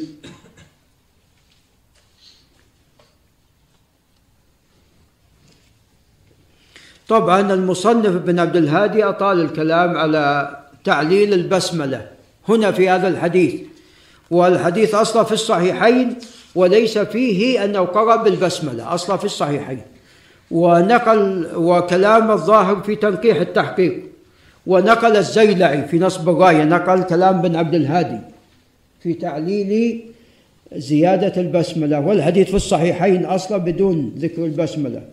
ثم قالوا عن عبادة بن الصامت قال كنا خلف رسول الله صلى الله عليه وسلم في صلاة الفجر فقرأ رسول الله صلى الله عليه وسلم. فثقلت عليه القراءة فلما فرغ قال لعلكم تقرؤون خلف إمامكم؟ قلنا نعم يا رسول الله. قال لا تفعلوا إلا بفاتحة الكتاب فإنه لا صلاة لمن لا يقرأ بها. قال رواه الترمذي وحسنه. طبعا أحمد وأبو داود والترمذي وحسنه وابن حبان والدار القطني وقال إسناد حسن وصححه البخاري وتكلم فيه أحمد وابن عبد البر وغيرهما وهو من رواية ابن إسحاق. وحديث عبادة في الصحيحين تقدم لا صلاة إلا بفاتحة الكتاب. هذا اللفظ الأصح. هذا هو اللفظ الأصح. لا صلاة إلا بفاتحة الكتاب. قال وعن أبي موسى أن الرسول عليه الصلاة والسلام خطبنا فبين لنا سنتنا وعلمنا صلاتنا فقال إذا صليتم فأقيموا صفوفكم. هذا الأمر بتسوية الصفوف. ثم ليؤمكم أحدكم فإذا كبر فكبروا. هذا أمر بصلاة الجماعة. يؤمكم أحدكم ويكون هو الأقرب. فإذا كبر فكبروا. يعني هناك ثلاث حالات. إما أن تكبر بعد الإمام وإما أن توافق الإمام وإما أن تسبق الإمام. فالحالة الأولى هي المشروعة والثانية والثالثة ماذا؟ نعم ممنوعة. الثانية والثالثة ممنوعة لا توافق ولا أيضا نعم ولا تسابقه وإنما إذا كبر فأنت كبر. نعم كما أنك أيضا لا تتأخر عنه تاخرا كثيرا. نعم. قال رواه مسلم وصححه الإمام أحمد. قال وإذا قرأ فأنصتوا. نعم. قال رواه مسلم وصححه الإمام أحمد وتكلم في قوله فإذا قرأ فأنصتوا. أبو داود والدار قطني وأبو علي النيسابوري وغيرهم. وقد روي من حديث أبي هريرة وصححه مسلم وتكلم فيه أيضا غير واحد. أيضا في زيادة عند أبي هريرة وإذا قرأ فأنصتوا. لكن ما خرجها مسلم وإنما سئل عنها في صحيحة فقال صحيحة. والأقرب أنها غير محفوظة. إذا قرأ فأنصتوا الأقرب أنها غير محفوظة. لا في حديث أبي موسى ولا في حديث أبي هريرة. قال وعن عبد الله بن أبي أوفى قال جاء رجل إلى النبي صلى الله عليه وسلم فقال إني لا أستطيع أن آخذ من القرآن شيئا فعلمني ما يجزيني قال قل سبحان الله والحمد لله ولا إله إلا الله والله أكبر ولا حول ولا قوة إلا بالله. قال يا رسول الله هذا لله فما لي؟ قال قل اللهم ارحمني وارزقني وعافني واهدني. فلما قام قال هكذا بيديه فقال رسول الله صلى الله عليه وسلم أما هذا فقد ملا يديه من الخير ملا يده من الخير رواه أحمد إلى آخره. قال الحاكم على شرط البخاري قال وقد قصر من عزاه إلى ابن الجارود فقط. نعم هذا إسناده صالح. هذا الخبر إسناده صالح وفيه أنه إذا كان ما يستطيع على أن يأخذ شيء من القرآن لأنه قال لا أستطيع فيقول سبحان الله والحمد لله ولا إله إلا الله والله أكبر ولا حول ولا قوة إلا بالله. يقول سبحان الله والحمد لله ولا إله إلا الله والله أكبر ولا حول ولا قوة إلا بالله. قال وعن أبي هريرة أن الرسول عليه الصلاة والسلام قال إذا آمن الإمام فآمنوا فإنه من وافق تأمينه تأمين الملائكة غفر له ما تقدم من ذنبه. نعم. وفي رواية إذا قال غير المغضوب عليهم ولا الضالين فقولوا آمين. فيكون تأمينك مع تأمين من؟ مع تأمين الإمام وهو الملائكة تؤمن مع تأمين الإمام والله أعلم. نعم. قال حديث أبي قتادة كان رسول الله صلى الله عليه وسلم يصلي بنا فيقرأ في الظهر والعصر في الركعتين الأوليين بفاتحة الكتاب وسورتين ويسمعنا الآية أحيانا. نعم هذا في الركعتين الأوليين. وأسماع الركعة وأسماع الآية أحيانا أمر مشروع. وكان يطول في الركعة الأولى من الظهر ويقصر الثانية أي بالنسبة للأولى. ويقرأ في الركعتين الاخريين بفاتحة الكتاب متفق عليه. وفي حديث أبي سعيد الخدري أنه كان يقرأ أحيانا حتى في الركعتين ماذا؟ الأخريين يعني أحيانا الركعتين الأخريين يختصر فيهما على الفاتحة وأحيانا أحيانا يقرأ فيهما أحيانا يقرأ فيهما. كما دل على هذا حديث أبي سعيد. قال كنا نحوز قيام رسول الله صلى الله عليه وسلم في الظهر والعصر فحزرنا قيامه في الركعتين الأوليين من الظهر قدر قراءة ألف لام ميم تنزيل السجدة. وحزرنا قيامه في الأخريين قدر النصف من ذلك. إذا كان ماذا؟ يقرأ. وحزرنا قيامه في الركعتين الأوليين من العصر على قدر قيامه في الأخرين من الظهر. فالعصر أقل. القراءة في العصر أقل من الظهر. الظهر أطول. الظهر تأتي بعد الفجر في الطول. ولذا في صحيح مسلم أن الصلاة تقام فيذهب الذهب البقية فيقضي الحاجة ثم يتوضأ ثم يأتي ويجد أن الرسول عليه الصلاة والسلام في ماذا؟ في الركعة الأولى. نعم. قال وفي الأخرين من العصر على النصف من ذلك. وفي رواية بدل تنزيل السجدة قدر ثلاثين آية وألف لام ميم تنزيل السجدة ثلاثون آية. قال وفي الأخرين قدر خمسة عشرة آية أو قال النصف من ذلك. وأما ما جاء في كل ركعة خمسة عشر آية نعم يعني هذا فيه نظر. لأن في الركعتين الأوليين قدر ثلاثين آية. والأولى تكون أطول من ماذا؟ من الثانية. وقال وعن بكير بن عبد الله بن الأشج عن سليمان بن يسار عن أبي هريرة قال ما صليت وراء أحد أشبه صلاة برسول الله صلى الله عليه وسلم من فلان. قال سليمان كان يطيل الركعتين الأوليين من الظهر ويخفف الأخريين. وهذا ليس عمر بن عبد العزيز لأن عمر ما أدرك أبو هريرة. ويخفف العصر ويقرأ في المغرب بقصار المفصل. كان عليه الصلاة والسلام يقرأ في المغرب أحيانا يطيل. قرأ بالأعراف في الركعتين وقرأ أيضا بالمرسلات وقرأ بالطور وكان أحيانا يقرأ بقصار المفصل. ويقرأ في العشاء بوسط المفصل ويقرأ في الصبح فالعشاء ما كان يطولها عليه الصلاة والسلام. ويقرأ في الصبح بطوال المفصل. قال نعم تقدم في الصبح أنها أحيانا يعني ما بين الستين إلى المئة.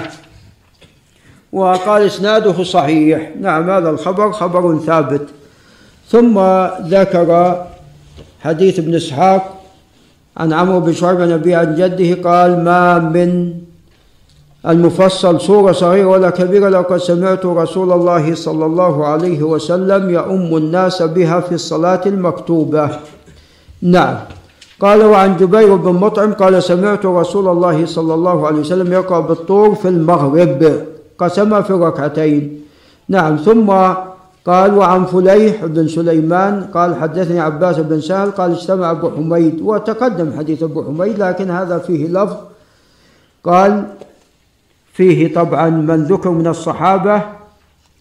قال وفيه ثم ركع فوضع يديه على ركبتيه كانه قابض عليهما ووتر يديه فتجافى عن جنبيه. قال ثم سجد فأمكن أنفه. وجبهته ونحى يديه عن جنبيه.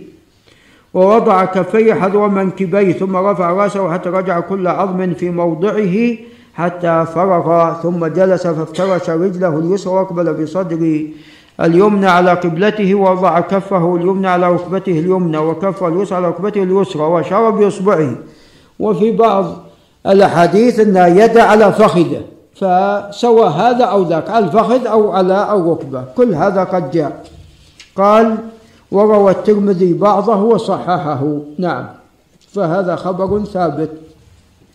ثم ذكر حديث ابن عباس قال كشف رسول الله صلى الله عليه وسلم الستارة والناس صفوف خلف أبي بكر فقال أيها الناس إنه لم يبق من مبشرات النبوة إلا رؤيا الصالح يراها المسلم أو ترى له. ألا وإني نهيت أن أقرأ القرآن راكعا أو ساجدا فلا يجوز قراءة القرآن في حال ركوعه أو السجود إلا على سبيل الدعاء. قال فأما الركوع فعظموا فيه الرب عز وجل وأما السجود فاجتهدوا فيه في الدعاء. فقمن أن يستجاب لكم. نعم.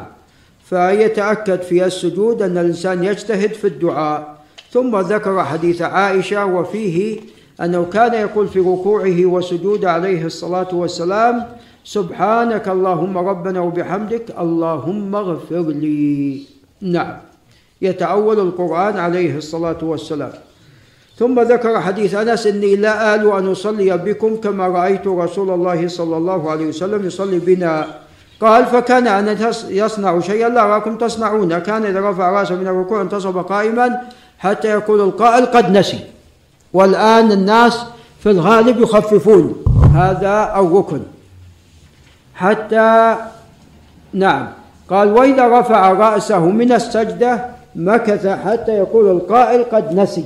السجدة بين الجلسة عفوا. بين السجدتين الجلسة بين السجدتين. قال وعن أبي هريرة كان رسول الله صلى الله عليه وسلم إذا قام إلى الصلاة يكبر حين يقوم حين يقوم ثم يكبر حين يركع. نعم. ثم خله مسلما خله هنا نعم. ثم يقول سمع الله لمن حمده. إذا أنت في انتقالك للركن إذا شرعت تكبر. نعم. كما أنك إذا شرعت بالرفع تقول سمع الله لمن حمده. فإذا انتصبت قائما تقول ربنا ولك الحمد. قال ثم يكبر حين يهوي ساجدا ثم يكبر حين يرفع رأسه ثم يكبر حين يسجد. قال ثم يفعل مثل ذلك في الصلاة كلها حتى يقضيها ويكبر حين يقوم من الثنتين بعد الجلوس. إذا لا تكبر وأنت ماذا؟ وأنت جالس. أنت إمام. تشهدت. انتهيت من التشهد. إذا قمت هنا تكبر. ليس كما يقول بعض أهل العلم يكبر ثم يقوم. لو كبر ثم قوم الناس سوف يسبقون. نعم. والحديث غير صحيح الذي استدل به بعض أهل العلم قواه أنه يكبر ثم يقوم هذا مو بصحيح. نعم. وفي المتفق عنه أن الرسول صلى الله عليه وسلم قال إذا قال الإمام سمع الله لمن حمده فقولوا. اللهم ربنا ولك الحمد.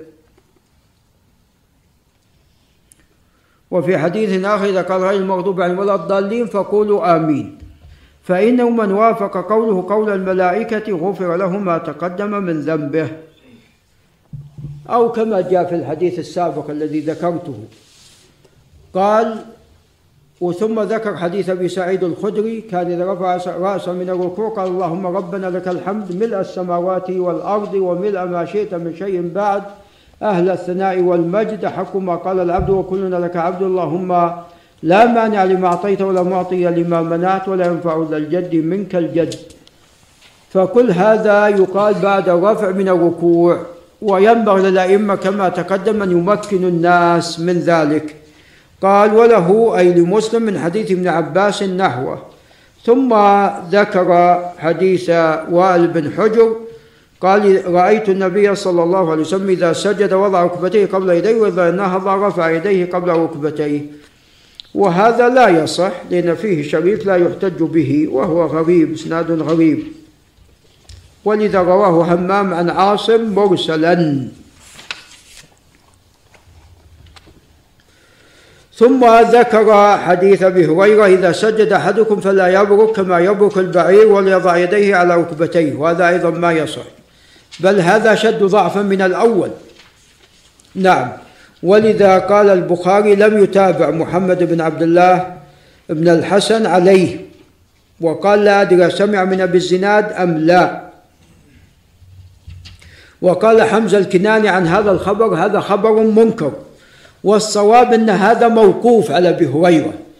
وفيه لا يبك أحدكم كبروك البعير الشارد وليس فيه وليضع يديه قبل ركبتيه. الموقوف على أبي هريرة ما فيه وليضع يديه على وليضع يديه قبل ركبتيه. ليس فيه ذلك وإنما فيه النهي عن البروك كبروك البعير الشارد نعم. فإذا يكون النزول على ماذا؟ ثبت عن عمر أنه كان ينزل على ماذا؟ على ركبتيه. ولم يأتي عنا ما يخالف ذلك. قال البخاري وقال نافع كان ابن عمر يضع يديه قبل ركبتيه. وهذا أيضا لا يصح. هذا والله أعلم أيضا لا يصح. وقد عله فيما أظن البيهقي وتكلمت عليه في درس الترمذي. هذا أيضا لا يصح. وإنما اللفظ الصحيح أن اليدين تسجدان. إن اليدين تسجدان كما يسجد الوجه. فإذا سجد أحدكم فليضع يديه. إذا سجد أحدكم فليضع يديه. هذا اللفظ الصحيح. ثم ذكر حديث ابن عباس في السجود على سبعة أعظم. نعم. قال ولا نكفت الثياب والشعر. لا تجمع شعرك ولا تكفت ثوبك نعم. في حال الصلاة. حتى الشعر يسجد معك إذا كان طويلا وحتى ثيابك أيضا فيحسب لك والله أعلم. ثم ذكر حديث ابن بحينة كان عليه الصلاة والسلام إذا صلى فرج بين يديه حتى يبدو بياض إبطيه. نعم فهذا من السنة. ثم ذكر حديث البراء بن عازب إذا قال عليه الصلاة والسلام إذا سجدت فضع كفيك وارفع مرفقيك. نعم. ثم ذكر حديث وائل بن حجر كان إذا ركع فرج بين أصابعه وإذا سجد ضم أصابعه وهذا لا يصح هذا لا يصح ضعيف. ثم ذكر حديث ابن عباس أنه كان يقول عليه الصلاة والسلام بين السجدتين اللهم اغفر لي وارحمني واهدني وعافني وارزقني. هذا لا يصح بل هو منكر. لماذا منكر؟ لأن كامل أبو العلاقة تكلم فيه. ولأنه أيضا هذا في صلاة الليل في قصة بيات ابن عباس مع رسول الله صلى الله عليه وسلم في صلاة الليل. وقد جاءت من طرق عن ابن عباس ليس فيها هذا اللفظ. إذا ماذا يقول بين السجدتين؟ يقول رب اغفر لي ويكرر. وهذا ما اختاره الإمام أحمد. طبعا بعض أهل العلم حسن هذا الحديث. والأقرب والله أعلم أنه منكر لا يصح. نعم ثم ذكر حديث مالك بن الحويرث أنه رأى النبي صلى الله عليه وسلم يصلي فإذا كان في وتر من صلاته لم ينهض حتى يستوي قاعدا. هذه تسمى جلسة الاستراحة وهي سنة في الوتر من الصلاة. في الركعة الأولى قبل أن تقوم للثانية تجد جلسة لطيفة ثم تقوم. فهي وهي سنة. نعم وليس كما يقال أنه عند الحاجة لا. نعم ثم ذكر حديث أبي جعفر الرازي وأبو جعفر واسمه عيسى بن عبد الله بن ماهان فيه ضعف. متى تكبر أي تكبير؟ تجلس تجلس ثم إذا قمت. إذا قمت تقول الله أكبر. إذا قمت تقول الله أكبر. نعم. أبو جعفر الرازي عيسى بن عبد الله بن ماهان لا يحتج به. وابن حبان عندما يعني قال ذكر ربيع بن أنس وربيع بن أنس صدوق. قال لكن يتجنب ما رواه أبو جعفر الرازي عنه. فإن حديث أبي جعفر عن الربيع بن أنس مضطربة. فإذا هذا الحديث ضعيف. ما زال عليه الصلاة والسلام يقنط في الفجر حتى فارق الدنيا. هذا غير صحيح. ثم ذكر حديث سعد بن طارق الأشجعي قال قلت لأبي يا أبت إنك قد صليت خلف رسول الله صلى الله عليه وسلم وأبي بكر وعمر وعثمان وعلي.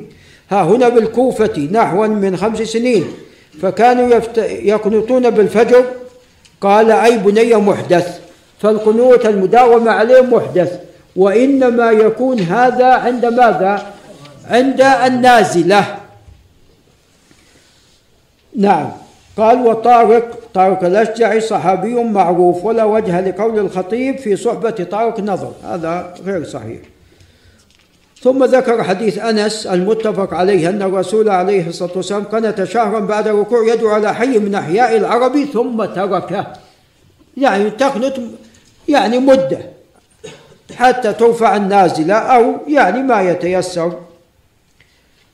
ثم ذكر ما رواه الخطيب قال بإسناد صحيح كان عليه الصلاة والسلام لا يقنط إلا إذا دعا لقوم أو دعا على قوم. هذا اللفظ الصحيح هو المتقدم اللفظ الصحيح هو المتقدم وهو أن دعا على حي من أحياء العرب قنت شهرا. نعم. أي نعم. قال وروى ابن حبان نحو من حديث أبي هريرة وحتى حديث أبي هريرة والله أعلم لا يصح. ثم ذكر حديث الحسن بن علي الكلمات التي علمه إياها رسول الله صلى الله عليه وسلم وهي كلمات عظيمة. وكان عمر الحسن تقريبا ست سنوات أو سبع سنوات. اللهم اهدني فيمن هديت وعافني فيمن عافيت وتولني فيمن توليت وبارك لي فيما أعطيت وقني شر ما قضيت. فإنك تقضي ولا يقضى عليك وإنه لا يذل من واليت تباركت ربنا وتعاليت. هذا حديث صحيح. ولكن ليس في قنوت الوتر وإنما قال اجعل ذلك في ماذا؟ في دعائك كما بين ذلك ابن خزيمة. فأي دعاء؟ سواء أنت في الصلاة خارج الصلاة في وتر. اجعل هالكلمات الطيبات في دعائك. نعم. وتلاحظون اهتمام الشارع بالدعاء. حتى قال عليه الصلاة والسلام الدعاء هو العبادة. وهنيئا لمن أعطي وألهم الدعاء. ولذا يحكى عن عمر رضي الله عنه يقول إني لا أحمل هم الإجابة. إنما أحمل هم الدعاء. يعني إذا حصل الدعاء بإذن الله الإجابة ماذا؟ سوف تأتي. أهم شيء إني أدعو. نعم هذا المهم. نسأل الله أن يوفقنا وإياكم للدعاء والإكثار منه.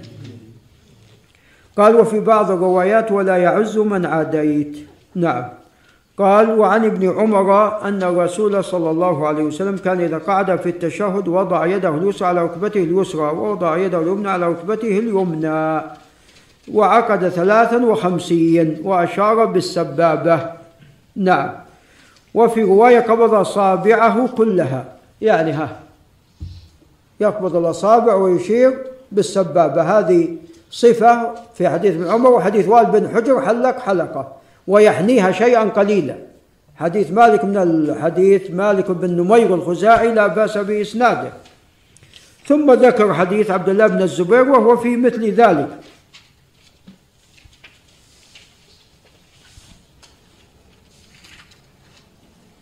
ووضع إبهامه على إصبعه الوسطى. يعني حلق حلقة وهذه جاءت في حديث وائل بن حجر. ثم ذكر حديث ابن مسعود رضي الله عنه قال كنا إذا صلينا خلف رسول الله صلى الله عليه وسلم قلنا السلام على جبريل وميكائيل إلى آخره فقال عليه الصلاة والسلام إن الله هو السلام. كان يقولون السلام على الله سلام على جبريل وميكائيل. فقال عليه الصلاة والسلام إن الله هو السلام. فإذا صلى أحدكم فليقل التحيات لله. أي جميع التعظيمات لله. والصلوات لله. والطيبات لله. الأعمال الطيبة والأقوال الطيبة. السلام عليك أيها النبي ورحمة الله وبركاته. السلام علينا وعلى عباد الله الصالحين. فإنكم إذا قلتموها أصاب كل عبد صالح في السماء والأرض. أشهد أن لا إله إلا الله وأشهد أن محمدا عبده ورسوله. ثم ليتخير من الدعاء أعجبه إليه فيدعو. نعم. هذا صح حديث جاء في التشهد. نعم. ثم ذكر لفظ آخر له ثم ذكر حديث ابن عباس كان الرسول عليه الصلاة والسلام يعلمنا التشهد كما يعلمنا السورة من القرآن فكان يقول التحيات المباركات الصلوات الطيبات لله. هذه صفة أخرى. نعم. أصح ما في الباب حديث ابن مسعود وحديث ابن عباس أيضا صحيح فهذه صفة أخرى. السلام عليك أيها النبي ورحمة الله وبركاته. السلام علينا وعلى عباد الله الصالحين. أشهد أن لا إله إلا الله وأشهد أن محمدا رسول الله. وإن قال أشهد أن محمدا عبده ورسوله هذه قد تقدمت في حديث ابن مسعود. وفي حديث ابن مسعود الذي بعده كنا نقول في الصلاة قبل أن يفرض التشهد. السلام على الله. هذه قبل أن يفرض التشهد لم تصح. نعم وقد ضعفها الطحاوي. نعم. ثم ذكر حديث فضال بن عبيد سمع رسول الله صلى الله عليه وسلم رجلا يدعو في صلاته لم يمجد الله تعالى ولم يصلي على النبي صلى الله عليه وسلم. فقال عليه الصلاة والسلام عجل هذا ثم دعاه فقال له أو لغيره. إذا صلى أحدكم فليبدأ بتمجيد ربه جل وعلا والثناء عليه. ثم ليصلي على النبي صلى الله عليه وسلم ثم يدعو بعد بما شاء. فالسنة في أي دعاء؟ إذا أردت أن تدعو تبدأ بماذا؟ بالحمد والثناء والتمجيد لله عز وجل. ثم تصلي على رسول الله عليه الصلاة والسلام ثم تدعو بما يتيسر. ولذا في التشهد التحيات لله والصلوات والطيبات مجدت الله. ثم تصلي على رسول الله السلام عليك أيها النبي. ثم بعدين تتشهد ثم بعدين تدعو ثم بعد ذلك تدعو بما يتيسر لك. نعم. وحديث فضالة بن عبيد حديث صحيح. وفي رواية إذا صلى أحدكم فليبدأ بتحميد الله والثناء عليه ثم ليصلي على النبي صلى الله عليه وسلم. ثم ذكر حديث أبي مسعود رضي الله عنه أتانا عليه الصلاة والسلام ونحن في مجلس سعد بن عبادة فقال له بشير بن سعد بشير. نعم النعمان بن بشير هذا والد النعمان بشير بن سعد بشير بن سعد الأنصاري والد النعمان بن بشير. قال أمرنا الله تعالى أن نصلي عليك يا رسول الله فكيف نصلي عليك؟ فسكت حتى تمنينا أنه لم يسأله. ثم قال عليه الصلاة والسلام قول اللهم صل على محمد وعلى آل محمد كما صليت على آل إبراهيم وبارك على محمد وعلى آل محمد كما باركت على آل إبراهيم في العالمين أنك حميد مجيد والسلام كما قد علمتم أو علمتم. نعم. وطبعا تعلمون أن الصلاة مأخوذة من القرآن العظيم. نعم فصلوا عليه وسلموا تسليما. وفي نعم في قصة إبراهيم عليه السلام. نعم ماذا قال؟ رحمة الله وبركاته عليكم أهل البيت. نعم. ثم ذكر رواية يعني وإن كان هي غير محفوظة من حيث الصناعة الحديثية ولكنها يعني ثابتة من حيث المعنى. قال إذا صلينا عليك في صلاتنا. لا شك هذا في الصلاة. بشير بن سعد إنما سأل عن كيف يفعلون في الصلاة. ثم ذكر حديث أبي بكر الصديق قال علمني دعاء أدعو به في صلاتي. قال قل اللهم إني ظلمت نفسي ظلما كثيرا ولا يغفر الذنوب إلا أنت فاغفر لي مغفرة من عندك وارحمني إنك أنت الغفور الرحيم. نعم. ثم ذكر حديث أبي هريرة إذا تشاهد أحدكم فليستعذ بالله من أربع. يقول اللهم إني أعوذ بك من عذاب جهنم ومن عذاب القبر ومن فتنة المحيا والممات ومن شر فتنة المسيح الدجال. فهذا يدل على تأكد هذه الأربع والاستعاذة منها. نعم. والله الجمهور على أنها مستحبة وذهب بعض أهل العلم كطاووس بن كيسان ذهب إلى وجوبها وقد جاء الأمر بها. نعم. قال ثم ذكر حديث عائشة كان أيضا يدعو في الصلاة اللهم إني أعوذ بك من عذاب القبر وأعوذ بك من فتنة المسيح الدجال وأعوذ بك من فتنة المحيا وفتنة الممات. اللهم إني أعوذ بك من المأثم والمهرم. فقال له قائل ما أكثر ما تستعيذ من المهرم؟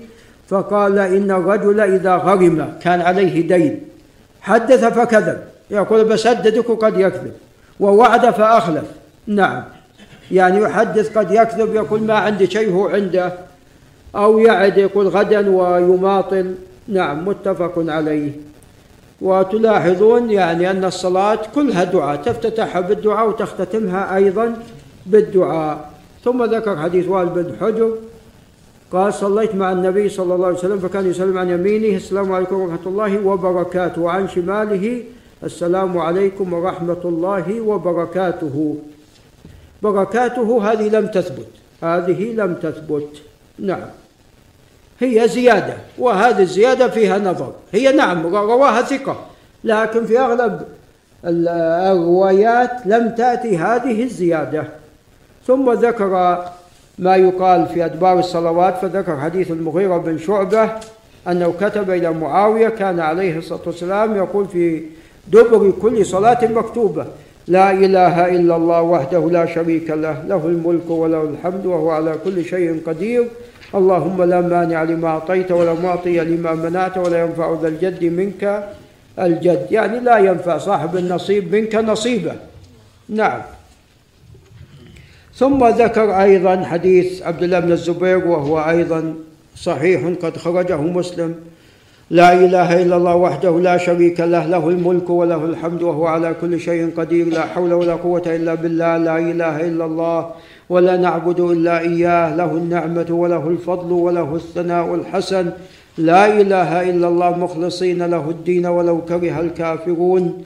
قال كان يهلل رسول الله صلى الله عليه وسلم بهن دبر كل صلاة.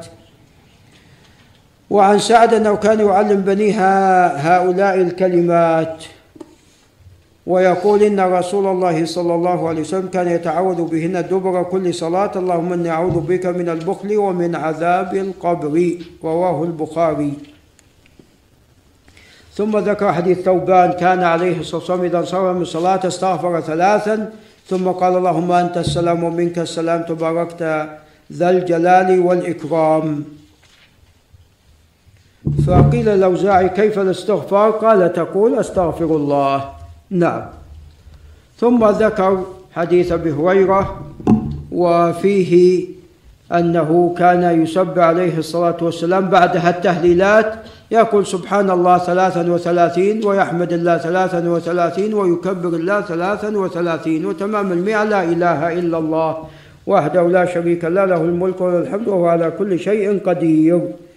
أو يكون 34 تكبيرة أو يقتصر على 99 أو صفة رابعة 25 تسبيحة 25 تحميدة 25 تكبيرة 25 تهليلة فيكون 100 نعم. وصفة خامسة وهي عشر عشر. نعم. ثم ذكر حديث مو... إي نعم. نعم. عشر عشر مرة. نعم. ثلاثة واحدة رواه ثلاثة واحدة ثلاث ثلاثة واحدة واحد والله الظاهر سبحان الله لوحدها والحمد لله وإن جمع فلا بأس. في ح... نعم ثم ذكر حديث معاذ أن الرسول عليه الصلاة والسلام أوصاه أن لا يدع في دبر كل صلاة أن يقول اللهم أعني على ذكرك وشكرك وحسن عبادتك. كما تقدم في هذا اهتمام الشارع بالأدعية بالدعاء. فالدعاء هو العبادة. ثم أن من الأدعية ما هو متأكد. طبعا من الأدعية ما هو واجب. مثل تقول يعني مثل الدعاء اهدنا الصراط المستقيم. هذا ركن في الصلاة في قراءة الفاتحة. وواجب تقول رب اغفر لي بين السجدتين.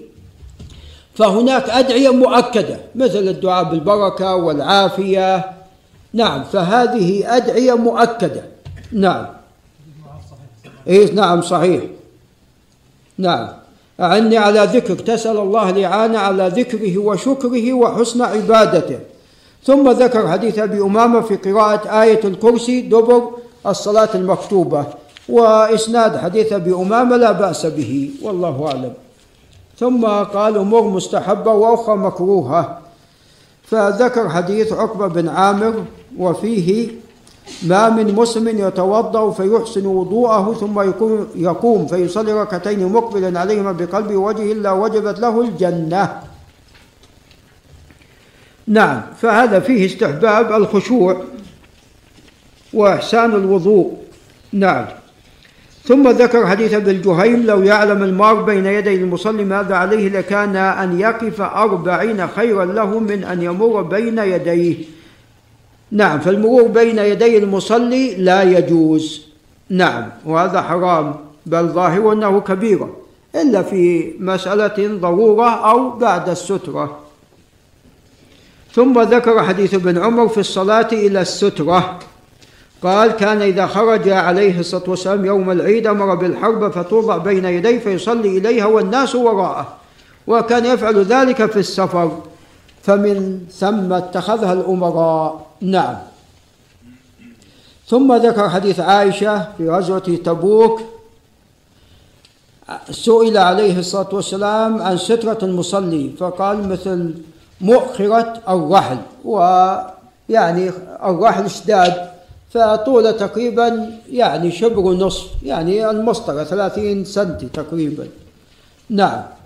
فالسنة أنك تصلي إلى سترة. بعض أهل العلم ذهب إلى الوجوب والجمهور على أنها سنة. نعم. وهذا الأقرب والله أعلم. ثم ذكر حديث الخط. وحديث الخط الراجح أنه لا يصح. حديث الخط الراجح أنه لا يصح.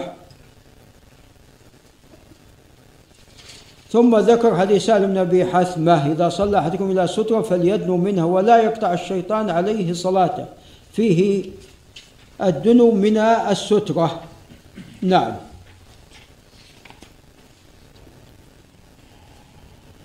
ثم ذكر حديث أبي هريرة نهى أن يصلي الرجل مختصرا. فالاختصار هو أن يضع الإنسان يده على خاصرته التصليب فهذا لا يجوز. ثم ذكر حديث أنس إذا قدم العشاء فابدأوا به قبل أن تصلوا صلاة المغرب. ولا تعجلوا عن عشائكم. نعم.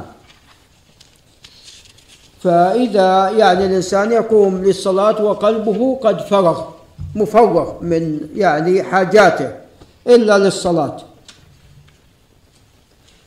ثم ذكر إذا كان أحدكم في الصلاة حديث أنس فإنه يناجي ربه عز وجل فلا يبزقن بين يديه ولا عن يمينه ولكن عن شماله تحت قدمه. متفق عليه.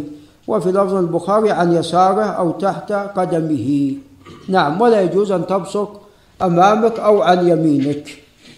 ثم ذكر حديث معيقيب الدوسي يعني أن إذا إذا احتاج الإنسان أن يمسح يصلي على مكان يعني على تراب وفي حصى وكذا فيمسح وإن كنت لابد فاعلا فواحدة. نعم. يعني لا يجوز أكثر من ذلك. وفي حديث أبي ذر وهو حديث صحيح. قال إذا قام أحدكم في الصلاة فلا يمسح الحصى فإن الرحمة تواجهه. وفي لفظ لأحمد سألت النبي صلى الله عليه وسلم عن كل شيء حتى سألت عن مس الحصى فقال واحدة.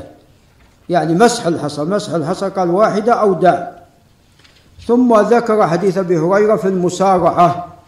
أو مسابقة الإمام. أما يخشى أحدكم إذا رفع رأسه قبل الإمام أن يحول الله رأسه رأس حمار أو يجعل صورته صورة حمار. نعم إما حسا وإما معنى. نعم فهذا يدل على أن مسابقة الإمام كبيرة. ثم ذكر حديث عائشة قالت سألت رسول الله صلى الله عليه وسلم عن الالتفات في الصلاة فقال هو اختلاس يختلسه الشيطان من صلاة العبد. رواه البخاري. رحمك الله. فإذا الالتفات في الصلاة بلا حاجة لا يجوز وإنما هذا اختلاس من الشيطان. ثم ذكر حديث أنس يا بني إياك والالتفات في الصلاة. فإن في الالتفات في الصلاة هلكة فإن كان لابد ففي التطوع لا في الفريضة. هذا لا يصح ولم يثبت أن الترمذي صححه. ثم ذكر حديث سهل بن الحنظلية رواه أبو داود وهو صحيح. فالتفت عليه الصلاة والسلام إلى الشعب لأن هنا حاجة. نعم. فإذا كان هناك حاجة فلا بأس. ثم ذكر حديث أنس قال كان قرام أي ستارة لعائشة سترت به جانب بيتها فقال عليه الصلاة والسلام أميطي عنا قرامك هذا فإنه لا تزال تصاويره تعرض في صلاتي أو تعرض عفوا تعرض في صلاتي رواه البخاري. نعم. فهذا فيه أنه لا يجوز إنسان يعني يصلي في مكان فيه زخرفة أو يصلي على شيء سجاد في مزخرف. نعم. ولذا الأولى أن يكون سادة. ليس في السجاد زخرفة لئلا يشغله ذلك. ولذا في حديث عائشة الآخر الذي رواه مسلم لا صلاة بحضرة طعام ولا هو يدافعه الأخبثان نعم. فإذا كان طعام يبدأ بالطعام. وإذا كان يدافع الأخبثان فيذهب ويقضي حاجته. وإذا كانت المدافعة بحيث لا تجعل يطمئن فصلاة ماذا؟ باطلة. في هذه الحالة لو صلى. ثم ذكر حديث جابر بن سمرة أن الرسول عليه الصلاة والسلام رأى أناس رافع أبصارهم إلى السماء فقال لينتهي لينتهين. أقوام يرفعون أبصارهم إلى السماء في الصلاة أو لا ترجع إليهم. فهذا يفيد أن هذا الفعل كبيرة. من كبار الذنوب وهو رفع البصر إلى السماء في الصلاة. ثم ذكر حديث أبي هريرة قال التثاؤب في الصلاة من الشيطان. فإذا تثاب أحدكم فليكثم ما استطاع. رواه الترمذي وصححه ورواه مسلم ولم يقل في الصلاة. هو في مسلم من حديث أبي سعيد الخدري فيه ذكر الصلاة. من حديث أبي سعيد الخدري فيه ذكر الصلاة. نعم. فإذا التثاؤب إذا كان في الصلاة فهذا من الشيطان. وكذا أيضا في مجالس العلم ولعل نقف عند هنا. هذا بالله تعالى التوفيق.